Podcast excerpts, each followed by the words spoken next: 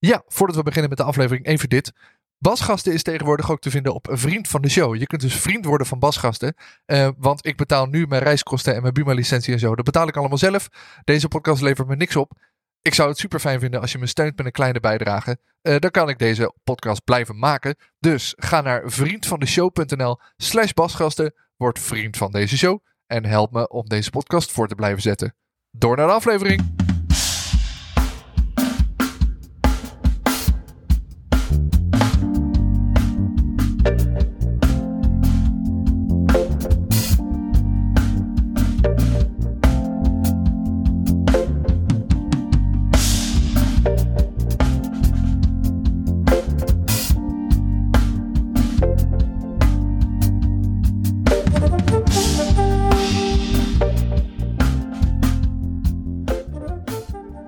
Dit is weer een nieuwe aflevering van Basgasten. Mijn naam is Hidde en in deze podcast ga ik in gesprek met bassisten over wat ze drijft, welke spullen ze gebruiken en welke mensen hen inspireren.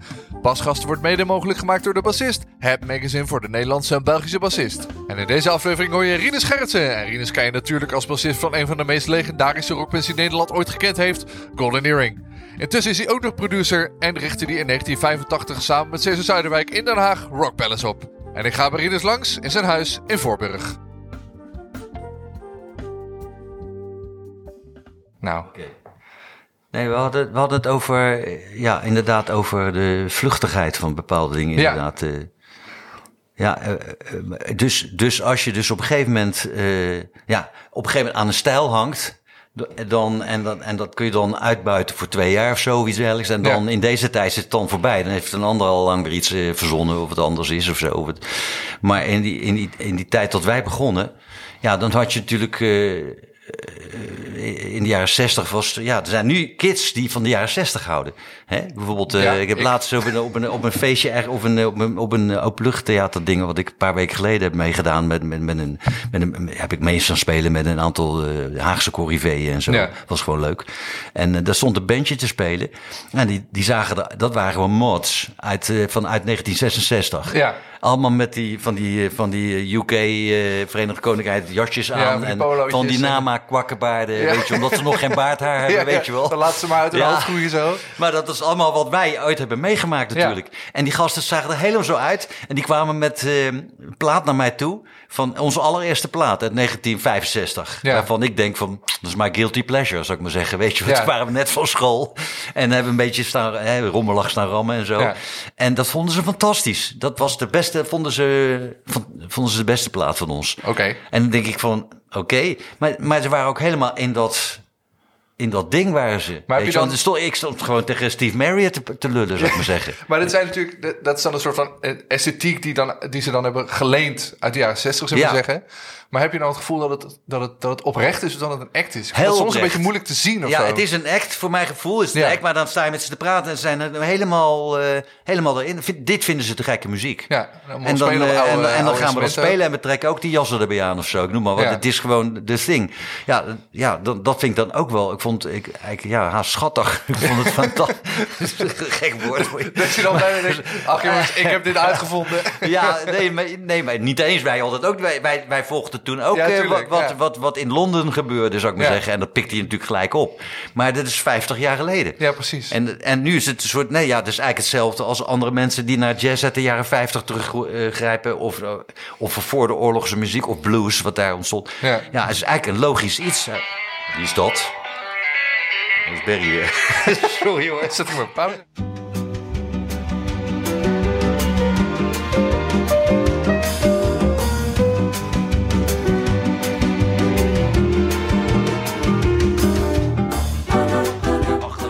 laatste optreden. Wat wij niet vermoeden. dat is een trek optreden in Ahoy. En uh, ja, daar zijn we nu toch bezig om dat uh, eventueel te, te formeren. En dan krijg je dus wel weer bandperikelen. Want uh, Barry vindt dat de lichtshows niet overmaat. Want we hadden juist besloten dat heel sober te doen. Oh ja. Wat ik helemaal te gek vind. Ja. En, en hij vindt het nou wel erg sober. Dus hij, heeft nu, hij, hij wil nu voorstellen om het in zwart-wit te doen. Maar het is eigenlijk ook wel weer hip. Ja, wordt er misschien ook wel erg dramatisch van. Als een soort laatste, goodbye. En dan in het zwart ja. nou... Ja, dat zijn dan van die prikkelen die je in een band hebt. Dat je zegt van... Oké, want ik, ik heb toevallig vorige, vorige week twee dagen in de studio gezeten om uh, de audio een beetje door de kleine foutjes eruit te halen en de dingen. En uh, dan zit ik middenin en dan zit ik naar dat beeld te kijken. Ik vind het te gek, juist omdat het niet al die enorme flitsen ja, zijn. Dat het, dat het dan heel erg over jullie gaat, zeg maar. Ja, precies. Het is, het is eigenlijk niet de bedoeling om het op te nemen. De bedoeling was dat, dat we alleen die schermen zouden hebben Oh, ja. voor het publiek. Ja. En er stonden een paar steady camera's voor die schermen. En die hebben gewoon, die stonden op eh, ieder van ons, eh, ze hadden vier shots of vijf shots of zo.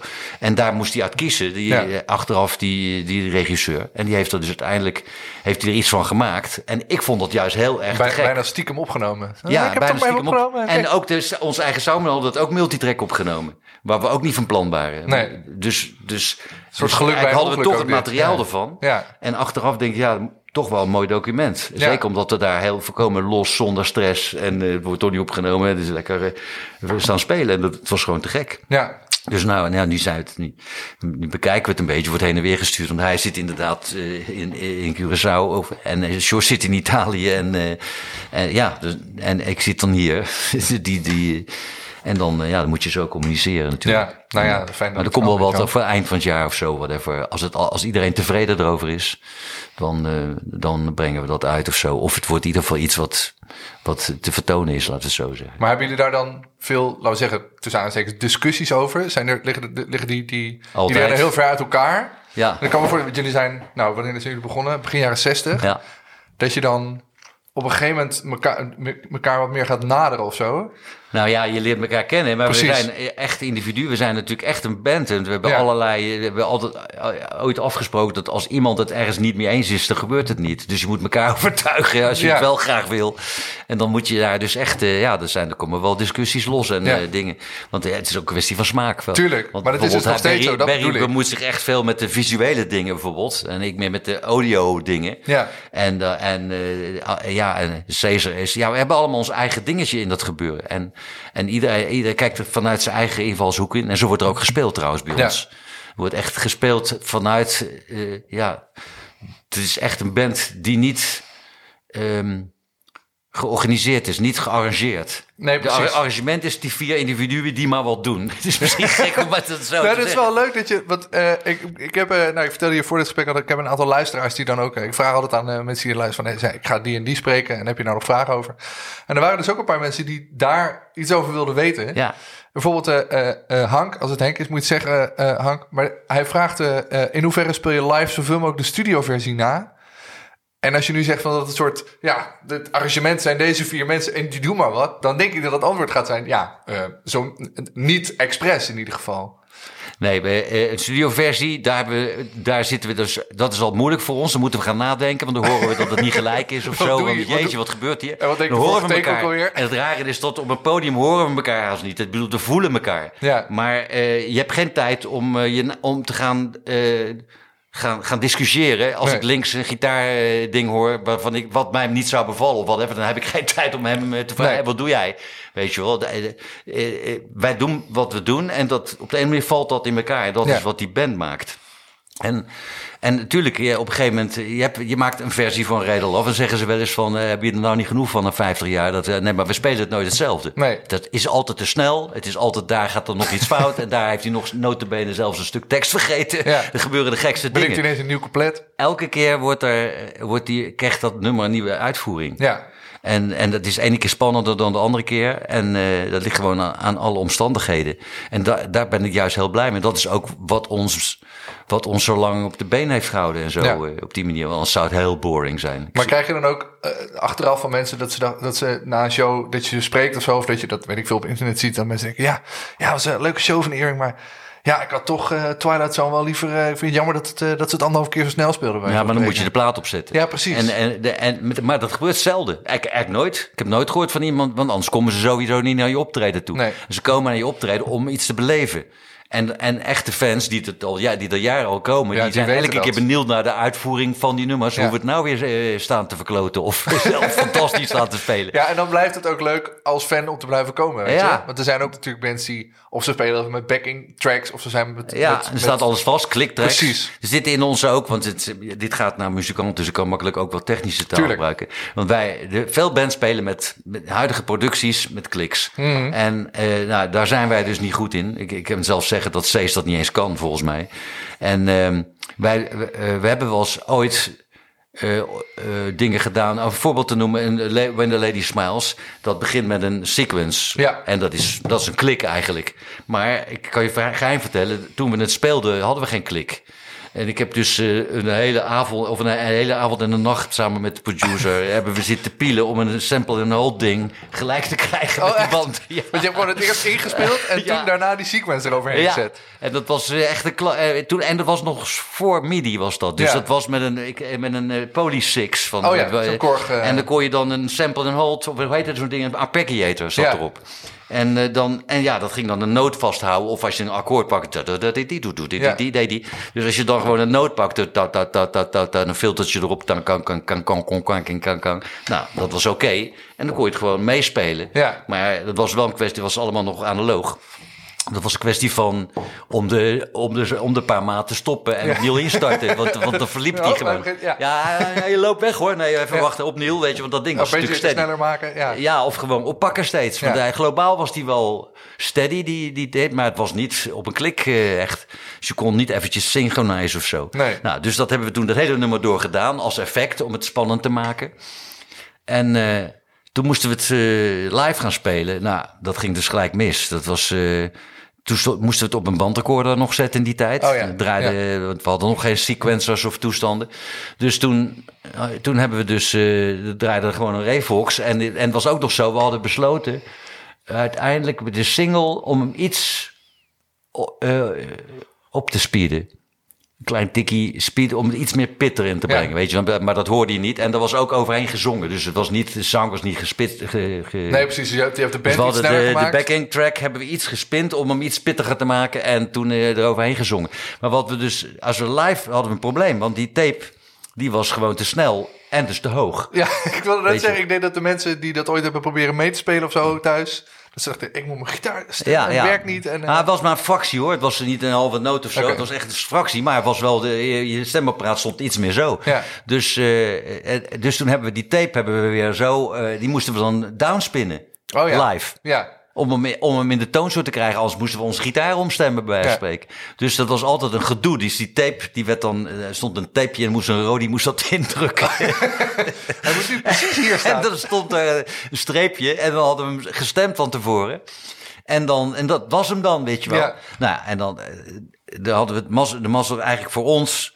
eh, dat we dus... ehm, ja, dan, dan eh, speelden we het intro. Was echt heel, dat was natuurlijk eh, de thing van dat nummer. Ja. Dat was de, de, de gimmick. Dus dan speelden we dat. Maar op het moment dat Caesar inviel en de band, dan stopten we die tape gewoon. Want dat, dat, alles zou het een drama worden. Ja. Want Dan hielden we nooit bij. En de, dus Caesar begon dan ook gelijk in en gingen we gelijk, hup, gingen we omhoog. Ja. Met gevolg dat als het tweede stuk kwam waar het weer opviel, zodat het echt bijna niet gedrumd werd, maar dat dat ding weer een hoofdrol Ja. had, dan werd hij weer ingestart. tweede viel het ineens op en dan moest het even 20 terug, even terugnemen. en daarna konden we weer los en dan ging die weer stoppen. Dus we hadden twee keren hadden we dat, dus dat ding erin Ja. zitten. Maar het was eigenlijk, eh, ja, we moesten het echt oplossen, want we konden er niet echt op spelen. Je had ook in die tijd nog geen in-ears of toestanden. Ja, maar je had bijvoorbeeld een band als The Who deed dat wel. Ja, die gewoon zat die die Keith van, Moon eh, zat met zo'n zo, zo'n koptelefoon. Ja, Ja. Want, en, en, en die, die, die was ook stekend doof gewoon echt. Die, die, die hoorde die, die, die, die, die, die ARP of die, die, die tape, die Ja. hoorde die keihard. Nou, en dan werd knoephard gespeeld op het podium. Ja. Dus het was een drama. Dus eh, wij, wij hebben dat wel met dat nummer toen gedaan, maar we hebben het uiteindelijk hebben het, eh, ja, gelukkig kwamen in de periode MIDI en naderhand met eh, Ableton en dat soort dingen. Die konden op een gegeven moment heb ik die hele tape heb ik verknipt en in een sampler gezet. Eerst met allemaal trucs met een drummachine Oh ja. dat kunnen afspelen. En uiteindelijk eh, heb ik hem zo gebeten te eh, fixen dat ik hem nu gewoon in Ableton heb ik hem staan en ik kan hem gewoon spelen op, op, met een voet, Oh ja. voetkeyboard. Ja. Want dan kan je hem gewoon zo spelen. En dan kan je ook. eh, want we hebben ook meegemaakt dat er dus. We, we moesten ergens een bassklap op de tape zetten. Om, om duidelijk te maken van Barry dat dit is de één. Oh ja. En dan wist hij ook wanneer. Want inzetten. dat liep eerst gewoon ka, ka, ka, ka, ka, ka, Ja. door. En als hij dan moest gaan zingen, moest hij wel weten dat hoorde je niet. Dus als hij die eerste klap niet had gehoord, wist hij het. Of moest George invallen, laten we verkeerd. Dus, maar tegenwoordig kan ik dat ding, start ik hem en dan speel ik hem gewoon en wachten we naar, tot hij gaat zingen. En dan kan ik gewoon helemaal meespelen, het hele, hele ding. En, en dat houdt nog steeds op als steeds begint hoor, want dan gaat het nog steeds mis. Ja, want je hebt het al een paar keer over die klik gehad. Je zegt, Cesar kan niet op klik spelen, maar dat doen jullie in de studio dus ook niet. Nee. Want het is natuurlijk tegenwoordig, ik denk dat het 95% van alle acts die in de studio zit, speelt op klik. Ja, we, eh, nou wij hebben dat eigenlijk... Uh, lately misschien een keer hebben gedaan. Maar het is gewoon meer voor ons is het een, uh, is het een soort uitstap van... Hmm, Oké, voor de productie dan eens kijken, weet je wel. Maar echt op een klik spelen, dat hebben we eigenlijk nooit. Uh, het laatste album was volgens mij in Engeland, dat album en zo. Dat hebben we gewoon vrij gespeeld ook. Nee, we hebben heel weinig. Uh, maar je hebt dan nooit een producer die dan zegt, nou, dat is misschien toch wel wel, dat is makkelijker met editen. Ja, maar we, hadden eigenlijk, we hebben eigenlijk geen echte producers uh, gehad op dat gebied. Eigenlijk, we, we, hebben eigenlijk altijd alles zelf gedaan. Ja. En uiteindelijk uh, goede technicus gehad. In de tijd, jaren zeventig hadden we John Creek die alles opnam en zo. Maar wij bepaalden wat we wilden doen in het arrangement en zo. En we hebben alleen een echte periode dat een producer een stempel heeft gedrukt. Was met, uh, met Shell Schellekens in de jaren tachtig. Dat we echt ook, want hij was echt een drumman ook met een bassdrum. En wat ik net, wat ik net ook zei, is dat, je, dat wij wilden gewoon als we s'nachts in, in een tent stonden, wilden we. En daar draaiden ze alleen maar funk en, en, en, en disco-achtige dingen. En toen dachten wij met Twilight Zone, dachten we nu moeten met iets komen waar ook een bassdrum in zit. Ja. Waar, dat ze ons ook kunnen draaien. Uh, ja. ja, en dat was Shell perfect in. Die, die, dat was zelf een drummer.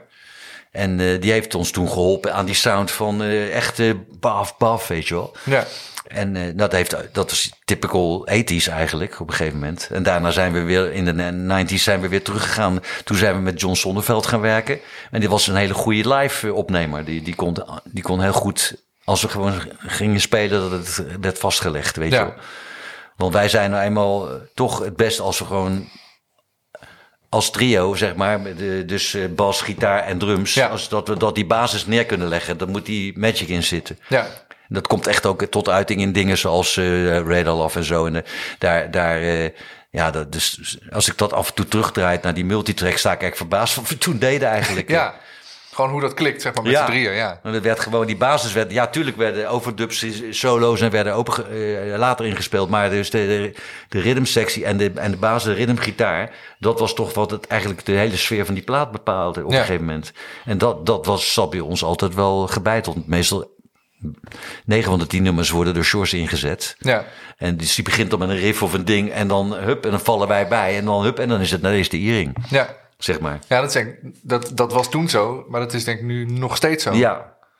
En misschien is het nog wel, is het nog wel versterkt omdat jullie zo lang met elkaar nou, we zijn natuurlijk verweven enorm. Precies. We kennen elkaar. En, uh, en als je, ja, dan zet Sjors dat nummer in. In zijn, in, wat hij in zijn hoofd heeft, de tempo. En dan komt Cesar. En die me, meestal gooit hij dan een schepje bovenop. Waar, waarna Sjors voor, Zoals beetje, voor, een beetje, een beetje ja, verstoord omkijkt. Zo van, ga je weer zo. Ja. En die moet dan mee. En ik, ik ga natuurlijk ook mee. Maar vervolgens gaan we allemaal op ons eigen eiland door. En in de zaal is dat één ding. Één, ja. één dingel. Maar meestal hebben we niet eens door wat die andere staat te spelen. Ja, dat is grappig dat je zegt van, we horen elkaar bijna niet. En we hebben niet door wat anders staat te doen. En toch is er dan een soort van ja. Ja, telepathische synergie, ja. zeg maar, die dat dan ja, organiseert. Ja, want de, ja, we hebben gewoon geen tijd om op een ander te gaan zitten letten wat hij nee. allemaal doet. Want dan denk ik, uh, je bent zo met jezelf bezig. En, en, en, en ja, dat, dat, dat is wat we zijn. We hebben niet iemand die ervoor staat van... en nu, ik tel af en dan gaan jullie allemaal dat doen en zo. Nee, ja, dag. We doen elke keer wat opkomt. Ja. En dat is de magic ook. Hey, we hebben een, uh, een uh, ik zit in een bassistenpodcast. Althans, dit is een bassistenpodcast. Dus ik moet het toch ook even over spullen hebben. Ja. ik, ben ik nou gek op. Ja. En ik ben toch even benieuwd. Ik, ik, ik heb altijd een aantal dingen die ik van iedereen wil weten. En een van de dingen is wat je eerste bas was en of je die nog hebt. Mijn eerste bas, uh, die heb ik samen met mijn vader gebouwd. Ooit toen ik 15 was of zo. We hadden niet echt geld om toen een elektrische bas te kopen en zo. En ja, die, die heeft die. Uh, mijn vader was, uh, kon van alles maken en zo, maar had geen verstand van gitaren. Dus nee. we leenden dan een gitaar en dan ging hij met een schuifmaat ging die de fretjes opmeten okay. en zo. Hij wist ook niet hoe en zo, maar dat maakte hij gewoon na dan. Dus, uh, en dan stond ik erbij en ik wilde het model zus en zo. En, en dan, ja, zo fietste dat in elkaar. En die bas, daar heb ik toen in het begin op gespeeld. En toen we de eerste plaat ook, eerste twee, drie platen zelfs, denk ik. En toen, toen ben, ik, uh, ben ik op een andere bas overgegaan. Maar die, die bewuste bas, die is in de loop der decennia, is die een paar keer is die, heeft hij een, eh, een upgrade gehad, zeg Ja. maar. Want op een gegeven moment dacht ik, ja, die nek is toch wel lekker als die iets, eh, iets dunner, dunner, ja. is. Of eh ander toetsenbord. Op een gegeven moment was die ook short scale, maar dat had een enorme kop op. Het, hij lag zag eruit als een long scale. Oh ja. Dus ik denk, nou, de enige oplossing daarvoor is eh fretloos maken. En dan de brug zo ver mogelijk naar achter op de body. Ja. Dan, dan kom je bijna aan een longscale toe. en en dat, dat was gewoon te gek. Want ik was in die tijd helemaal eh, gewend geraakt om in D-stemmingen te spelen bijvoorbeeld. Ja. En dan, dan wil je toch wel iets, eh, dat- komt niet zo lekker uit op een short scale, weet je. Dus ik heb die bas een paar, eh, een paar keer is die, heeft hij een make-over gehad. En ik heb hem nog steeds inderdaad. Ik heb hem zelfs nog live al af en toe wel eens gespeeld en zo. Hij heeft een hele sompige, vette sound heeft hij. Dus, eh, er zit een, eh, even kijken, hoe heette die ook weer, die eh, elementen met die, met die sleetjes. eh, Bill Lawrence. Oh ja. Eh, Bill Lawrence bas pick-up en een Bill Lawrence strat pick-up op. Oké. maar mijn, mijn, mijn ding is vanaf D, ja, heel snel.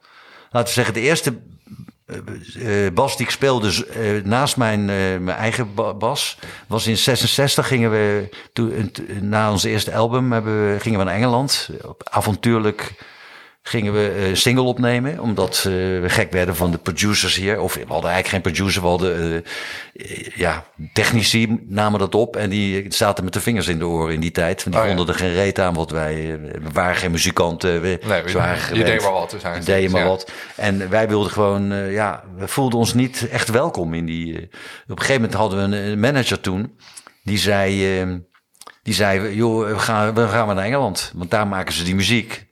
En daar zitten wel mensen die er oren over hebben. En toen zijn we, op de, zijn we ja, eh, eh, op de boot gestapt met, met, met, met, een paar AC-30's en een versterkertje en een dingetje en, en een drumstel. En toen zijn we eh, in, in, in de Pi Studios terechtgekomen. Waar de Kinks opnamen ook in die tijd. En eh, daar zat een, zat een eh, technicus die eruit zag als een eh, ambtenaar. Met een, Oh ja. een pijp en een bril op en zo en een driedelig pak. Ja, wij dachten, dat zijn zou natuurlijk wel beelden nou die, ik ook, die ik ook wel ken inderdaad. Van, dat, dat je denkt, er zit zo'n zo'n ruig beentje zeg maar van een lang Die zat een hele haar, hè. strete man. Ja. En, die, en het klonk te gek. Dus het, is, het was gewoon attitude, weet je wel. Ik weet niet wat het is. eh, Maar kortom, wij namen daarop. En eh, we hadden vlak daarvoor hadden we. eh, eh, die, die, zeg maar, onze toenmalige producer, manager was Fred Haaien. En die was eigenlijk helemaal geen technicus of zo. Maar die kwam uit, eh, die was, eh, ja, die had zichzelf gewoon naar, naar voren gebabbeld in, Ja. in- bij Polydor. En die, die was zeer geïnteresseerd in wat wij deden, wat, wat popmuziek was. En dat was in toen de tijd bij de platenmaatschappij nog niet geaccepteerd. Ze waren nog bezig met Willeke Alberti en Rob de Nijs en zo, weet je Ja. wel. En eh bandjes die zelf nummers schreven en zelf gingen ze dan zingen en spelen. Ja, dat, dat, dat had je toen nog niet. Nee, zeker niet zwaard als jullie. Nee, en toen... eh, dus, maar die, die Haaien was inderdaad een, een heel eh, een mannetje met initiatieven en zo. En die zei toen ook, joh, we gaan naar Engeland. En die lulde dat geld los en zo bij Polydor. En, eh, maar hij had ook bijvoorbeeld de Who naar Nederland gehaald. Eh, en die waren toen net begonnen. Die hadden nog niet My Generation uit. Die hadden, Nee. hoe heet dat nummer ook weer? Can't Explain. Oh ja. Had ze een hitje mee. Ja. Maar die waren al bekend om hun wilde gedrag en zo. En eh, die had die geregeld om eh, een, een tv-opname, live, live dingetje te doen in Bellevue in Amsterdam. Nou, Bellevue, ik weet niet, het bestaat nog steeds. Het bestaat maar nog het, is, steeds, ja. het is misschien twee maten groter dan dit of zo. Eh, het was een klein tv-studiootje Ja. eh, achter het Amerikaan daar. Ja. En wij waren uitgenodigd, omdat wij natuurlijk, Haaien kende natuurlijk. eh, hij, hij zei, die band moet je zien en zo. Dus wij zaten in het publiek met een mannetje of twintig daar zo. Met, met wat ook wat meer kennissen en dingetjes, familie van deze en gene, weet ik veel. En eh, die gasten traden, die kwamen maar binnen. eh, met allebei een Den Electro. Oh ja. De Townsend had een eh, Den Electro six string en die John Entwistle die had een Den Electro basje. Ja. Maar ze hadden geen spullen bij zich, niks. Dus ik moest met die John Entwistle, ben ik in Amsterdam gegaan. Zijn we naar muziekzaak. Ik, was, ik wist niet eens waar ze waren in Amsterdam. En de hebben muziekzaak hebben we twee versterkers gehuurd. Ja. Dus een, eh, een AZ30 en een Foundation eh, ba- baskastje. En toen hebben wij met open monden zitten kijken naar wat die gasten daar stonden te doen. ja. Dat ging helemaal los, weet je wel. En ik was gek van die, die bassound Ja. met zijn plektrum. En dat was helemaal twang, weet je wel. Ja. En eh, nou ja, een paar maanden later zaten wij dus in Engeland. En toen, eh, toen was uh, onze toenmalige drummer, Jaap Egmond, die later nog producer is geworden en zo. Die was daar aan de shoppen gegaan en die zat ergens bij Selmer, een gitaarzaak of een ja. muziekstore. Stond een elektro in de etalage. En dus die komt terug in het hotel en die zegt: Ik heb wat voor je gekocht. Ik zeg, wat dan? Hij zegt, ik heb, ik heb zo'n elektro gezien. Er staat er een te koop daar zo. Met een heel kortonnen, uh, uh, hoe heet het, koffertje erbij.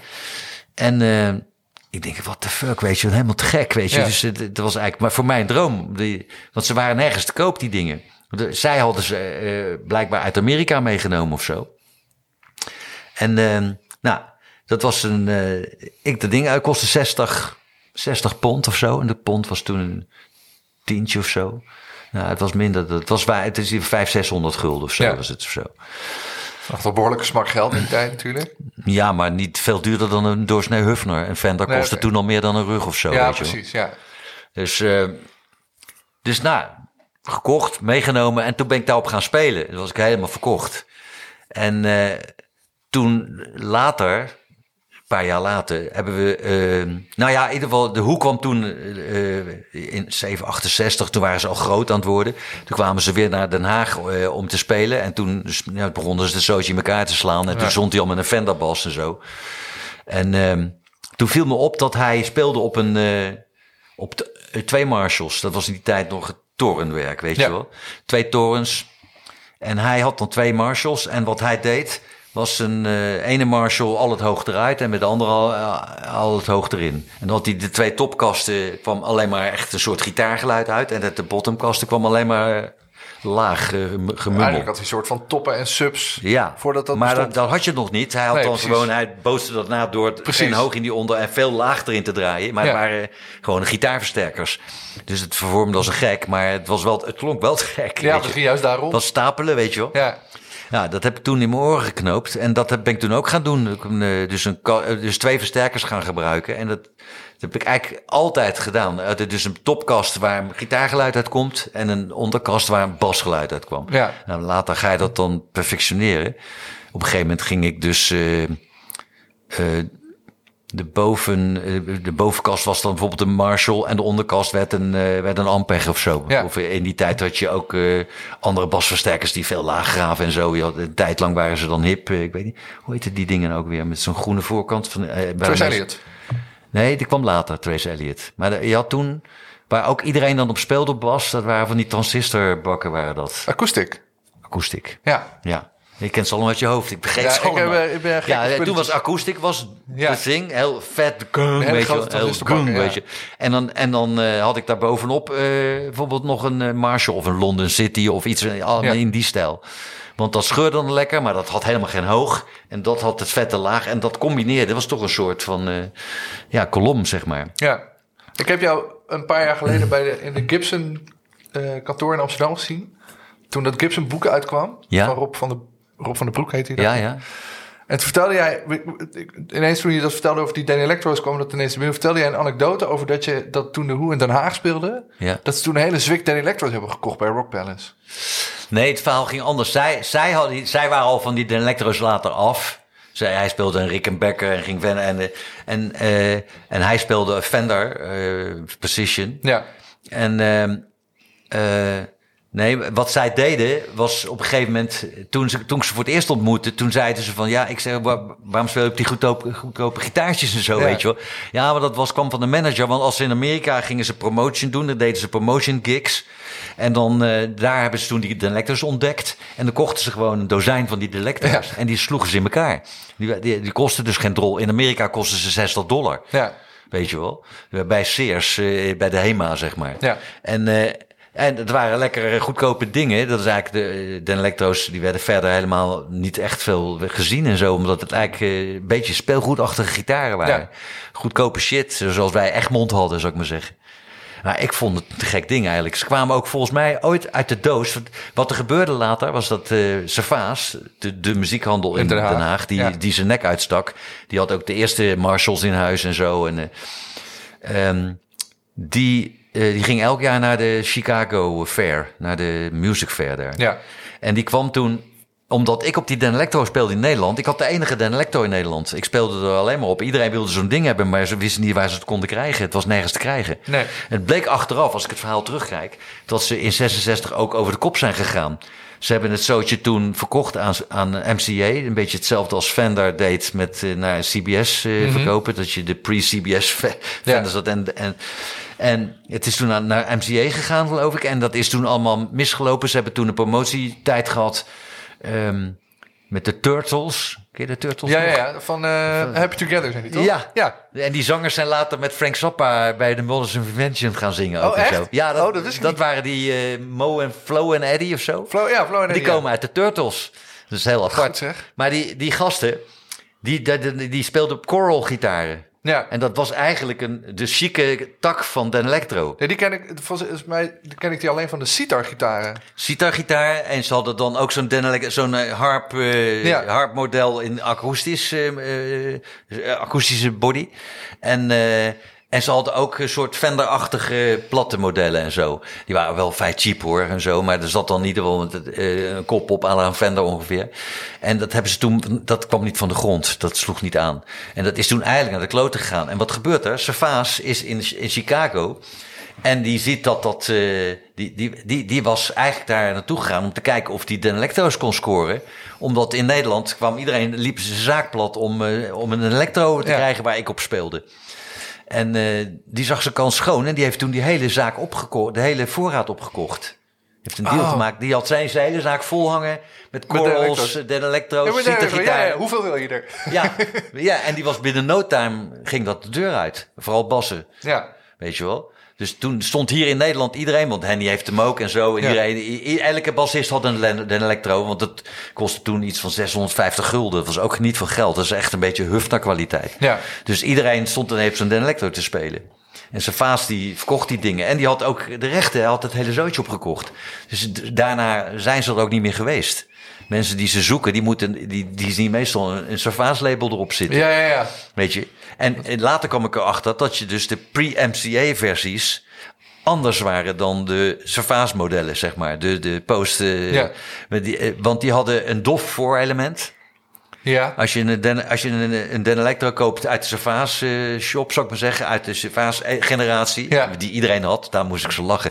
Toen, de, toen en die, hoe heet het? toen Henny hier was met zijn zoon, met, uh, hoe heet hij ook zijn zoon? Uh, Xander. Xander. Die zaten hier voor die basgasten, uh, of die bas, de basmannen. Bas, basmannen. Ja.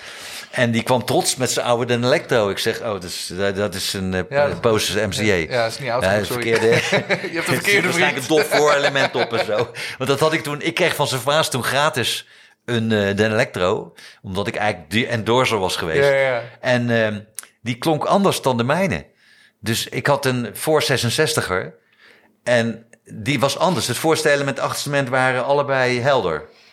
Dus, en ik, ik denk dat ze toen bij, in die latere versie hebben ze, was het niet genoeg dof, niet genoeg uh, bas. Niet genoeg bas. Toen hebben ze het voorste element hebben ze een weerstand opgezet, waardoor die dus, uh, waardoor het hoog eraf was. Ah. En, en, maar het geintje van Den Electro is dat de elementen in feite in, in serie staan. Je moet het eigenlijk zien als een uit elkaar getrokken humburger eigenlijk. Ja, omdat ze staan. En wat die clipjes doen, is eigenlijk de een bij de ander schakelen. En dan wordt het een, als de een aanstaat, is het een single coil voor of achter. En als die andere erbij komt, wordt het ineens een uit elkaar getrokken humbucker eigenlijk. Ja. En dan kun je het volume regelen, zodat je eigenlijk wat het mooiste... Eigenlijk grappig bij een humbucker zou het ook grappig zijn als je de ene uh, zachter kon zetten ten opzichte van de andere of ja, zo. dat je de spoelen tot op elkaar tot Ja, dan ga je eigenlijk de weerstand veranderen. Ja. En daar kwam ik eigenlijk pas later achter, toen, toen, toen ik het verschil hoorde, ben ik naar weer een technieker gegaan. Ik zei, wat is het verschil nou? Ik hoor, maar deze is dof en die is uh, niet dof. Ja. En ik wil hem hetzelfde hebben, weet je. En ik was toen ineens, dat was in de tijd dat we in de jaren zeventig, toen had ik dus een uh, de nieuwere Den Electro, dus om uh, laten wiren, zo, laten Ja. ombouwen, zeg maar. Tot dat een dus gewoon tot een oude. Want die oude die was helemaal naar de kloten, dat ik helemaal uh, kapot. Eigenlijk de nek van mijn oude Den Electro zit op mijn dubbelnek. Oh ja. En de, en de body ligt ergens in het Rockmuseum. waar geen verf meer op zit. Die ziet er ongeveer uit als die, als die, als die van Frank uh, Oh ja. Dinges. Oh, dat is ook zo'n heerlijk, eh, helemaal bruin geworden. Helemaal, Ja. ja. Maar ehm, toen heb ik dus... Op een gegeven moment ben ik die, dat gedoe van die twee versterkers... Denk ik, ik ga dat ook doorvoeren op mijn gitaar. Want ik, ga, ik gooi een Den Electro door een basversterker. Terwijl ik daar eigenlijk wil vette bas horen. Ik kreeg ook klachten van de band dat het te veel op gitaar leek. dus wanneer ga je bas spelen? Ja, wanneer ga je nou zeggen bas spelen? Godverdomme. En stonden we met een band met een echte bassist, weet je wel. En dan zei George altijd van, ja, dat is, dat is bas, weet Ja, je wel. zullen we even bellen? Ja, Ja. dat is ja, grappig. Maar daar, daar, daar komt het later het verhaal van die dubbelnek vandaan. En zo. Maar in ieder geval, ik dacht, het moet... eh, Ik was toen overgestapt in de studio op eh, Gibson EB3. Dat was al in 273 toen, eh, toen kwamen we er toch wel achter dat die, de Electro toch wel af en toe vals was ook in de studio. Dus Ja. ik ging daar wel luisteren. En eh, ik had op een gegeven moment ook... eh, die, die kwamen oorspronkelijk met pianosnaren erin. Weet je, met die round-wound snaren. Die had je toen nog niet voor bassen. Nee. En eh, de maat van die snaren was gewoon A. Ik bedoel, als je hem uit de doos haalde, stond die gewoon in A. Dus het was gewoon een bariton gitaar. Ja. Dus, je had A, zeg maar A, D, G, C. C, ja. En het eerste wat je deed, want wist jij veel, was uh, terug naar. E. Dus je stond met een flubberige eh, snaar eigenlijk. En dat had die, die, die twang sound. En toen Roto Sound kwam, toen dat, dat, die, die, kreeg ik, die tip kreeg ik toen van John Entwistle. Want die kwam dat met die snaren. Toen, toen ik hem in 66 ontmoette. En die zei, ja, je moet deze snaren erop zetten, want dan heb je die twang. Nou, eh, want ik stond al snaren uit te koken van die Den Electro. Want Ja. op een gegeven moment, eh, ja, hoe je je kan geen nieuw meer Het is krijgen, steeds doffer. Toen zaten er flatwounds op. Dat was het niet. Ging je snaar voor snaar voorzichtig. Voor, ja, toen kwamen die roto sound. Toen was het leed geleden, zeg maar. Maar... eh, dus, dus eigenlijk dat is de truc van eh, eh, als, je, als je dan op een gegeven moment op die Den Electro gaan die eh, toch die nek iets hoger staan, die mensuur was of de hoogte van de snaren was boor. En anders ging die aanlopen. Dus had je weer en dan als die hoger staat met ook eh, bij de kam, het is moeilijk afstellen. Ja. Met, met dat rare kammetje en die ja. dingen. Ja, dus op een gegeven moment dan, als je hem goed wilde laten klinken, moest hij toch hoog staan. En dan als je dan in het tweede of derde vak kwam, dan was die vals, weet je. Ja. Dus je een vies of een, of een C indrukte, dan als je een beetje hard drukte, dan zong je te hoog. En, en los was die goed, weet je. Dus dat was lastig. En vooral bij in de studio hoorde je dat gauw. eh, Live Ja, maakte dat niet zo uit. Ja. natuurlijk, En dus toen, eh, toen ben ik live ben ik gaan proberen op een EB3 te spelen. En die was wel hartstikke zuiver. Ja, dat was eigenlijk een ultieme short, eh, medium short scale bas eigenlijk. Ja. Er speelde toen de tijd eh, Jack Bruce op en, en, en die gozer van The Free, weet je, die Andy Fraser. Andy Fraser, ja. dat was echt gek geluid, vond ik dat. Maar dat is een plopgeluid. Poef, poef, poef, weet je wel. Ja. En ik wilde gewoon die twang houden. Ja, dus dan kreeg je een soort eh, gedoe van. Dus dat je in de studio zat je met een, met een, met een EB3, met een Gibson. En natuurlijk nam ik hem dan met optredens, maar dat viel me tegen. Dan scheurde die niet. Ja. Dat, was, eh, dat was niet mijn stijl. Ik speelde live ook met een plektrum. Dus dat was, eh, toen ben ik op een gegeven moment weer Den Electro live gaan spelen. En toen dacht ik, weet je wat, ik koop een Gibson element. Het achterste element al. Ja. Een EB3 element. En dat zet ik tussen die lip, lipsticks in.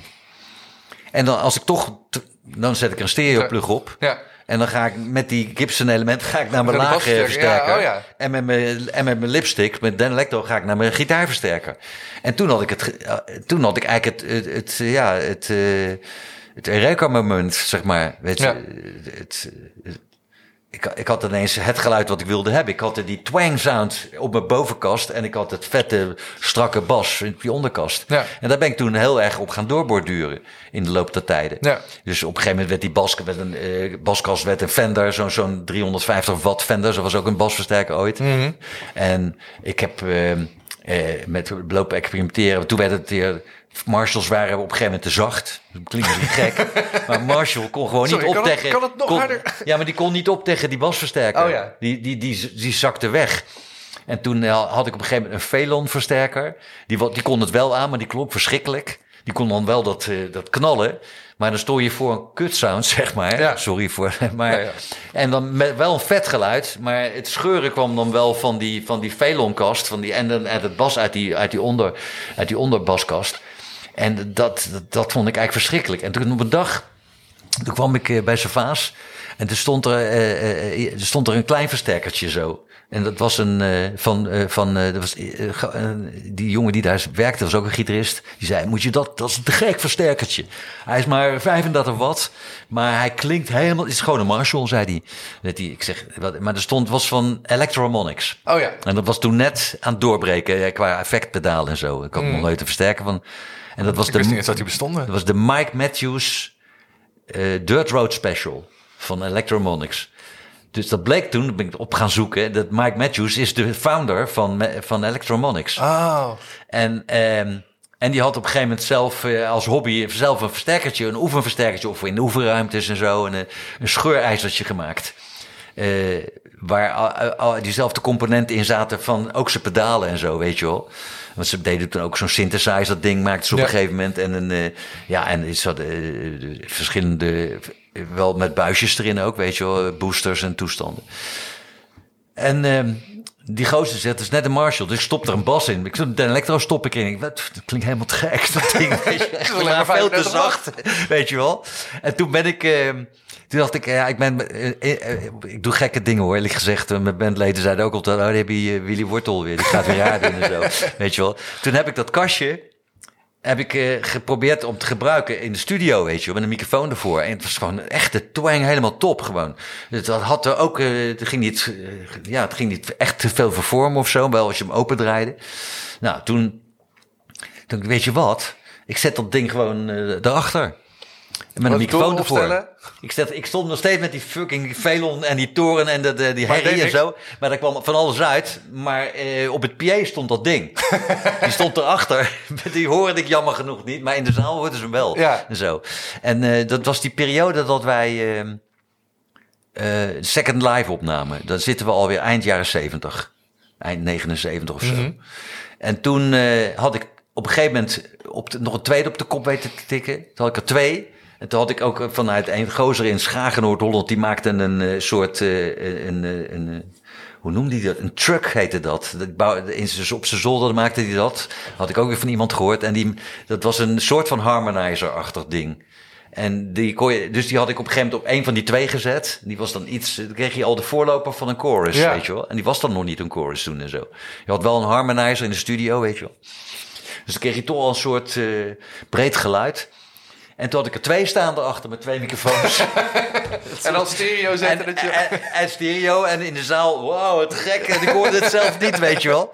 En, en eh, toen, eh, ja, toen, toen waren we op tournee met ehm, eh, Twilight, Twilight Zone, 83, in Amerika. En dan waren we echt druk bezig met, eh, speelden we ook special guest optredens met Aerosmith en met Ted Nugent. En dat ging echt eh, vet, was dat. En met Rush en zo. Heftig. En ja, en eh, toen, eh, en ik stond met die kutkastjes erachter, weet je wel. En, ik, en, en toen ben ik naar, ehm, eh, toen was Electromonics zat in New York. En daar was onze home base eigenlijk. En ik deed nog goed, ik dacht de 23e straat of zo. Het was een soort koetshuis.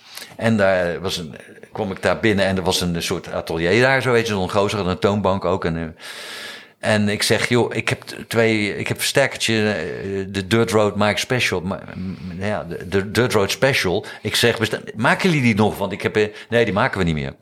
Zeg, oh shit. Ik zeg, want ik heb, er, ik heb er twee, maar ik wilde eigenlijk meer hebben. Ik, wil, ik, vind, ik vind ze te gek, die dingen. Ze zeiden, ja, maar waar gebruik je het dan voor? Ik zeg, ja, voor Bas. Zit die Bas gek, weer gek geworden of zo? En ze doen het nog, Ik zeg, wij, wij, zit je in een band dan? Ik zeg, ja. Zit die, ja, ja, je from Holland? Zeg, ja. Ik zeg, ja. Hij zei, welke band dan? Golden Earring. Wat? Golden Earring? Helemaal, helemaal. Uit zijn dak ging die. En, ehm ik, ik, maar speel jij de bas op dat ding, weet je wel? Ik zeg, ja, ik heb, ik heb, maar ik kan ze niet, ze zijn te zacht. Ze klinken te gek, maar ze staan achter, achter me, fake ergens achter. En ze, in de zaal eh, hoor je ze alleen maar. En toen zei hij, ah, te gek. Hij zei dan, ik heb nog wel onderdelen, dan maak ik er wel wat voor je. Hoeveel heb je er nodig? Ik zei, maak er maar vier. Dus daar heeft hij de, inderdaad, zijn ze ze gaan bouwen. Toen waren we alweer thuis. Toen kwamen ze op Schiphol aan, vier van die dingen. En eh, toen, toen heb ik bij toenmalige Focus, was toen de, een PA, componeerde, er zat een technicus bij ook die ik heel goed kende en zo, een Haag, Haagse jongen. En eh, toen heb ik eh, dus heb ik een kast laten bouwen. daar. Ze maakten ook roadboxen en zo. Een kast laten bouwen, een roadbox zeg maar, met vier vijf compartimenten erin. Waar ik die dingen in heb. eh, vijf van die versterkertjes erin. Vijf versterkertjes erin. Heb ik allemaal op rails gezet, eh, eruit gehaald. eh, vijf versterkertjes boven elkaar. En dan eh, eh, dat effect erbij. En dan had ik ze dus, had ik over vijf speakers, had ik vijf versterkers. In één kast. en bovenop een eh, kast die er precies onder paste met twee keer 15, waar dan eh, die vette basversterker op stond. Ja. Dat werd later werd dat een PV op een gegeven moment. Maar ieder als het maar ballen had en vet, weet je. Twee keer 15 inch Electrovoice. zo'n SO. eh, foldback, zeg maar. Nou, toen had ik een geluid, jongen. En dan ik het, hoorde ik het zelf eindelijk. Ja, dus je dacht, oh, zo klinkt dat dus in de zaal. En ik kon ook op een van die... Ik had twee microfoons ervoor staan. Dus een, een van die vijf kasten had dan dat effect. Ja. En de andere niet. En er één in het midden had, eh, kon ik dan bijvoorbeeld een octavidertje opzetten. Dus ik kon ook uh, kiezen in welke versterker ik uh, een effect zou zetten. Dus het bleef altijd natuurlijk. Ja. En, en, dan kon, ja, ze had gewoon twee microfoons, of eh, twee microfoons. En later ben ik Speaker DI's gaan gebruiken. Ja. Uh, van Pivi had je een fantastische Speaker DI, die heel simpel was, maar die gewoon te, echt te gek was. En toen had ik dus twee Speaker DI's erachter. Toen kon het ook op de monitors en op het PA. En zo rommel je dan verder eigenlijk, weet je wel. Dat, dat was eigenlijk mijn basis, uh, maar het was wel knoephard. Want vijf van die dingen was wel knoephard. Maar ja, toen, dat was nog de tijd van, uh, van zeg maar, veel herrie op het podium. Ja. En dat was eigenlijk de jaren negentig nog. Ging dat door, heb ik daarop gespeeld. Tot begin uh, van deze eeuw, zeg maar. Toen zaten we al in, de, in die akoestische toestanden. En toen ben ik eigenlijk langzaam terug gaan bouwen. Want ik denk, ja, als ik het geluid uit één zo'n ding haal, waarom zou ik er dan vijf eh, op het podium? Ik kan het ook op de monitor zetten, weet je wel. En toen de in kwamen, toen was me eigenlijk mijn kostje gekocht. Want toen was ik eigenlijk uh, al een keer een virus verder, wat ik op mijn oren had gehad en zo. En dat alles te hard werd en zo. En toen, toen ben ik in gaan, gaan, gaan gebruiken. Toen dacht ik, ja, dan heb ik al die herrie niet meer nodig. Nee. Dus toen had ik echt, uh, ja, gewoon hi-fi geluid. Gewoon, uh, en, en gewoon via een eigen, eigen mixer deed ik dat er gewoon zelf. En op een 19 inch eh, mixer had ik. Ja. Die je gewoon kon aansturen met een, met een laptopje. En dan had ik gewoon mijn eigen monitors. Had ik, ik had mijn basgeluid perfect gewoon helemaal. Ja. En, uh, en, ik, en, de, en de band ook, uh, precies, ik had gewoon een mixje zelf gemaakt. En uh, nou, dat, vanaf dat moment was ik gewoon eigenlijk in de hemel. Heb ik gewoon echt goed kunnen horen wat ik eigenlijk allemaal dus produceerde. Oh, die gasten spelen dit aan. Ah. Ja, ja, ja, ook dat nog. Maar, maar ik had ook eindelijk goed, goed basgeluid en zo. Terwijl het wel nog steeds volgens hetzelfde proces ging, wat ik eigenlijk al in de jaren zeventig had aangepakt. Weet Alleen dan kleiner. Ja, kleiner. Er stond nog maar één kastje zo, ja. één, één kastje en één baskastje. Want ik wilde bij Bune wel wat wat body hebben nog. Dat, ja. Waar ik voor stond, ik nog iets gevoel dat er bas stond of zo. Dat, helemaal niks, dat vond ik toch niet tof en zo. Um, een vraag van Adriaan. We hebben het al je hebt het over die, die, die, die Electro gehad die dan short scale zijn. En die Gibson die medium is. Nou, en je, je eigen bouw die dan, nou, laten we zeggen, bijna long scale is. Ja. Um, ik heb er zelf ook een beetje last van dat ik, ik heb mijn Mustang en die vind ik te gek. En ik heb ook een paar long skills. Ja, en ik heb een paar long skills die ik gaaf vind. En ik, ik kan in ieder geval niet kiezen. Heb Hoeft toch niet? Heb, nee, maar heb jij een voorkeur? Of vind nee, je juist ik ben tegenwoordig helemaal... Dat is, komt het verhaal met dubbelnek eigenlijk. Ik had dus inderdaad klachten, zeg maar, van ja, ga nou eens een keer op een bas. Hier, die gozer van die bent, de, moet je horen, een mooie bas en zo, weet je wel. Ja, en toen, toen dacht ik op een gegeven moment, ja, een beetje, een beetje voor, voor de gein hoor. Ik dacht van nou, ik heb nog een nek liggen en een dit en een Fender nek. Maar toen heb ik een body uh, hebben we gemaakt, ook weer met, met, met mijn pa toen. En uh, die was al met pensioen en zo. En ik had dat zelf allemaal uitgetekend. En toen heb ik gewoon een, een, een eh, ja, een, een, een, hoe, gewoon iets uitgeprobeerd. Gewoon een body gemaakt waar twee halsen op konden. En de ondernek was dan een dun elektro en de bovenek een Fender. Ja. En had ik wel, um, toen had ik, uh, ik heb een keer een bas op de kop getikt. Die, die, die speelde, hoe heette die band ook alweer? Ook zo'n Amerikaanse funkband, die helemaal echt rock and roll was. Um, uh, met zo'n zangeres en een zanger erin. Uh, nou goed, maar die, de eerste plaat vond ik helemaal te gek daarvan. En toen zag ik die gozer met een Nashville bal staan. Oh ja. Dus Framos is dat. Ja, ja, ja. En die, die, nou, Zo'n dus, broodplank is dat toch? Ja, een soort, van. een soort broodplank. Ja, het is een verschrikkelijk ding eigenlijk. Want ik dacht van, wauw. En die gozer de geluid, jongen. Echt, was echt een gekke band. En, en Mothers, Mothers, Mother's Finest. Mother's Finest, ja. En, uh, maar ja, later bleek hij een hele andere bas te hebben. Maar op die hoes staat hij met zo'n Nashville bas. Dus ik zag ineens die Nashville ging in de uitverkoop. Want er werd er niks van verkocht. En er zat hier eigenlijk bij zo'n eh, zaakje in eh, Den Haag stond er een in de etalage. Dat heb ik toen gekocht. Nou, was niet op te spelen, dat ding. Maar die elementen, dat waren Bill Lawrence elementen. Zo. Bill Lawrence, die zat, in, heeft de tijd in... Uh, voordat hij echt groot werd, zat hij in Amerika, zat hij in Duitsland. Oh ja. Volgens mij was, zat hij ergens op een Amerikaanse basis of zoiets dergelijks. En hij heeft toen elementen gemaakt voor, voor Framus. En uh, dus die Nashville, ik vond dat wel te gekke elementen. Het waren vette elementen, weet ja, je wel. Ja, die man, die en, wel. Uh, en toen dacht ik van, ik zocht sowieso chrome elementen. Omdat ik op die dubbelnek wilde ik weer een baselement en een, en een lipstick. Ja. weer het stereo uit natuurlijk. Wilde ik handhaven. En toen heb ik die boven, dus die Fender uh, gedeelte, heb ik dus uh, zo'n die, die Nashville bas element voorop gezet. En dan naar de laagkast. Oh ja. Op de ring van de, van, op de, van de, van de, van, Ja, ja, ja. de, van de stereoplug, zeg maar. En op de tip had ik dan een, eh, een lipstick. En die had ik weer uit een oude zilvertoon getrokken en zo. Want ik had in de tijd in Amerika ook steeds af en toe bij pawnshops... weer voor, voor een paar tientjes een zilvertoon gescoord voor de elementen. Ja. Ik ook wel stom, want dan gaf ik zo'n zo'n gitaar zonder element weer weg aan iemand. Maar dat zijn er gewoon ook collectors items Tegenwoordig wel, ja, ja. Maar ik haalde de elementen eruit. Want dat waren oude lipstick van pre-MCA, zeg oh maar. ja, zeg maar de goeie. Ja, de goeie. Maar ik weet, ja. Maar dus die, eh, die, die, die heb ik toen op mijn dubbelnek gezet toen. En eh, v- de- dus die onderkant, die, die Den Electro part, ook gewoon helemaal volgens het oude systeem. Eigenlijk heb ik gewoon mijn oude Den Electro in, interne van mijn oude Electro, die, die dus naar de kloten was, zeg maar, die heb ik hem gesloopt. Ja. En daar heb ik eigenlijk het hele interieur uitgehaald en op die dubbelnek gezet. En met, met een Nashville bas, eh, met zo'n eh, baselement ertussenin. Ja. En toen, dat was echt geinig, dat ding. Dus het was echt een, ik had een, eh, zelfs die body had ik zo semi gat in laten frezen, waar dat die semi-akoestisch was beneden, zeg maar. Ja. En dan, en dan met de, de bovenkant afgewerkt met, met hardboard. Maar ja, achteraf kwam ik achter dat hardboard, dat was helemaal geen hardboard, dat was mazoniet. Dat is een verharde soort hardboard. Met die Den Electro's Oh als ja. je, en zilvertoons, dan denk je dat dat hardboard is als je Ja. erin voelt en zo, Ja, weet je wel.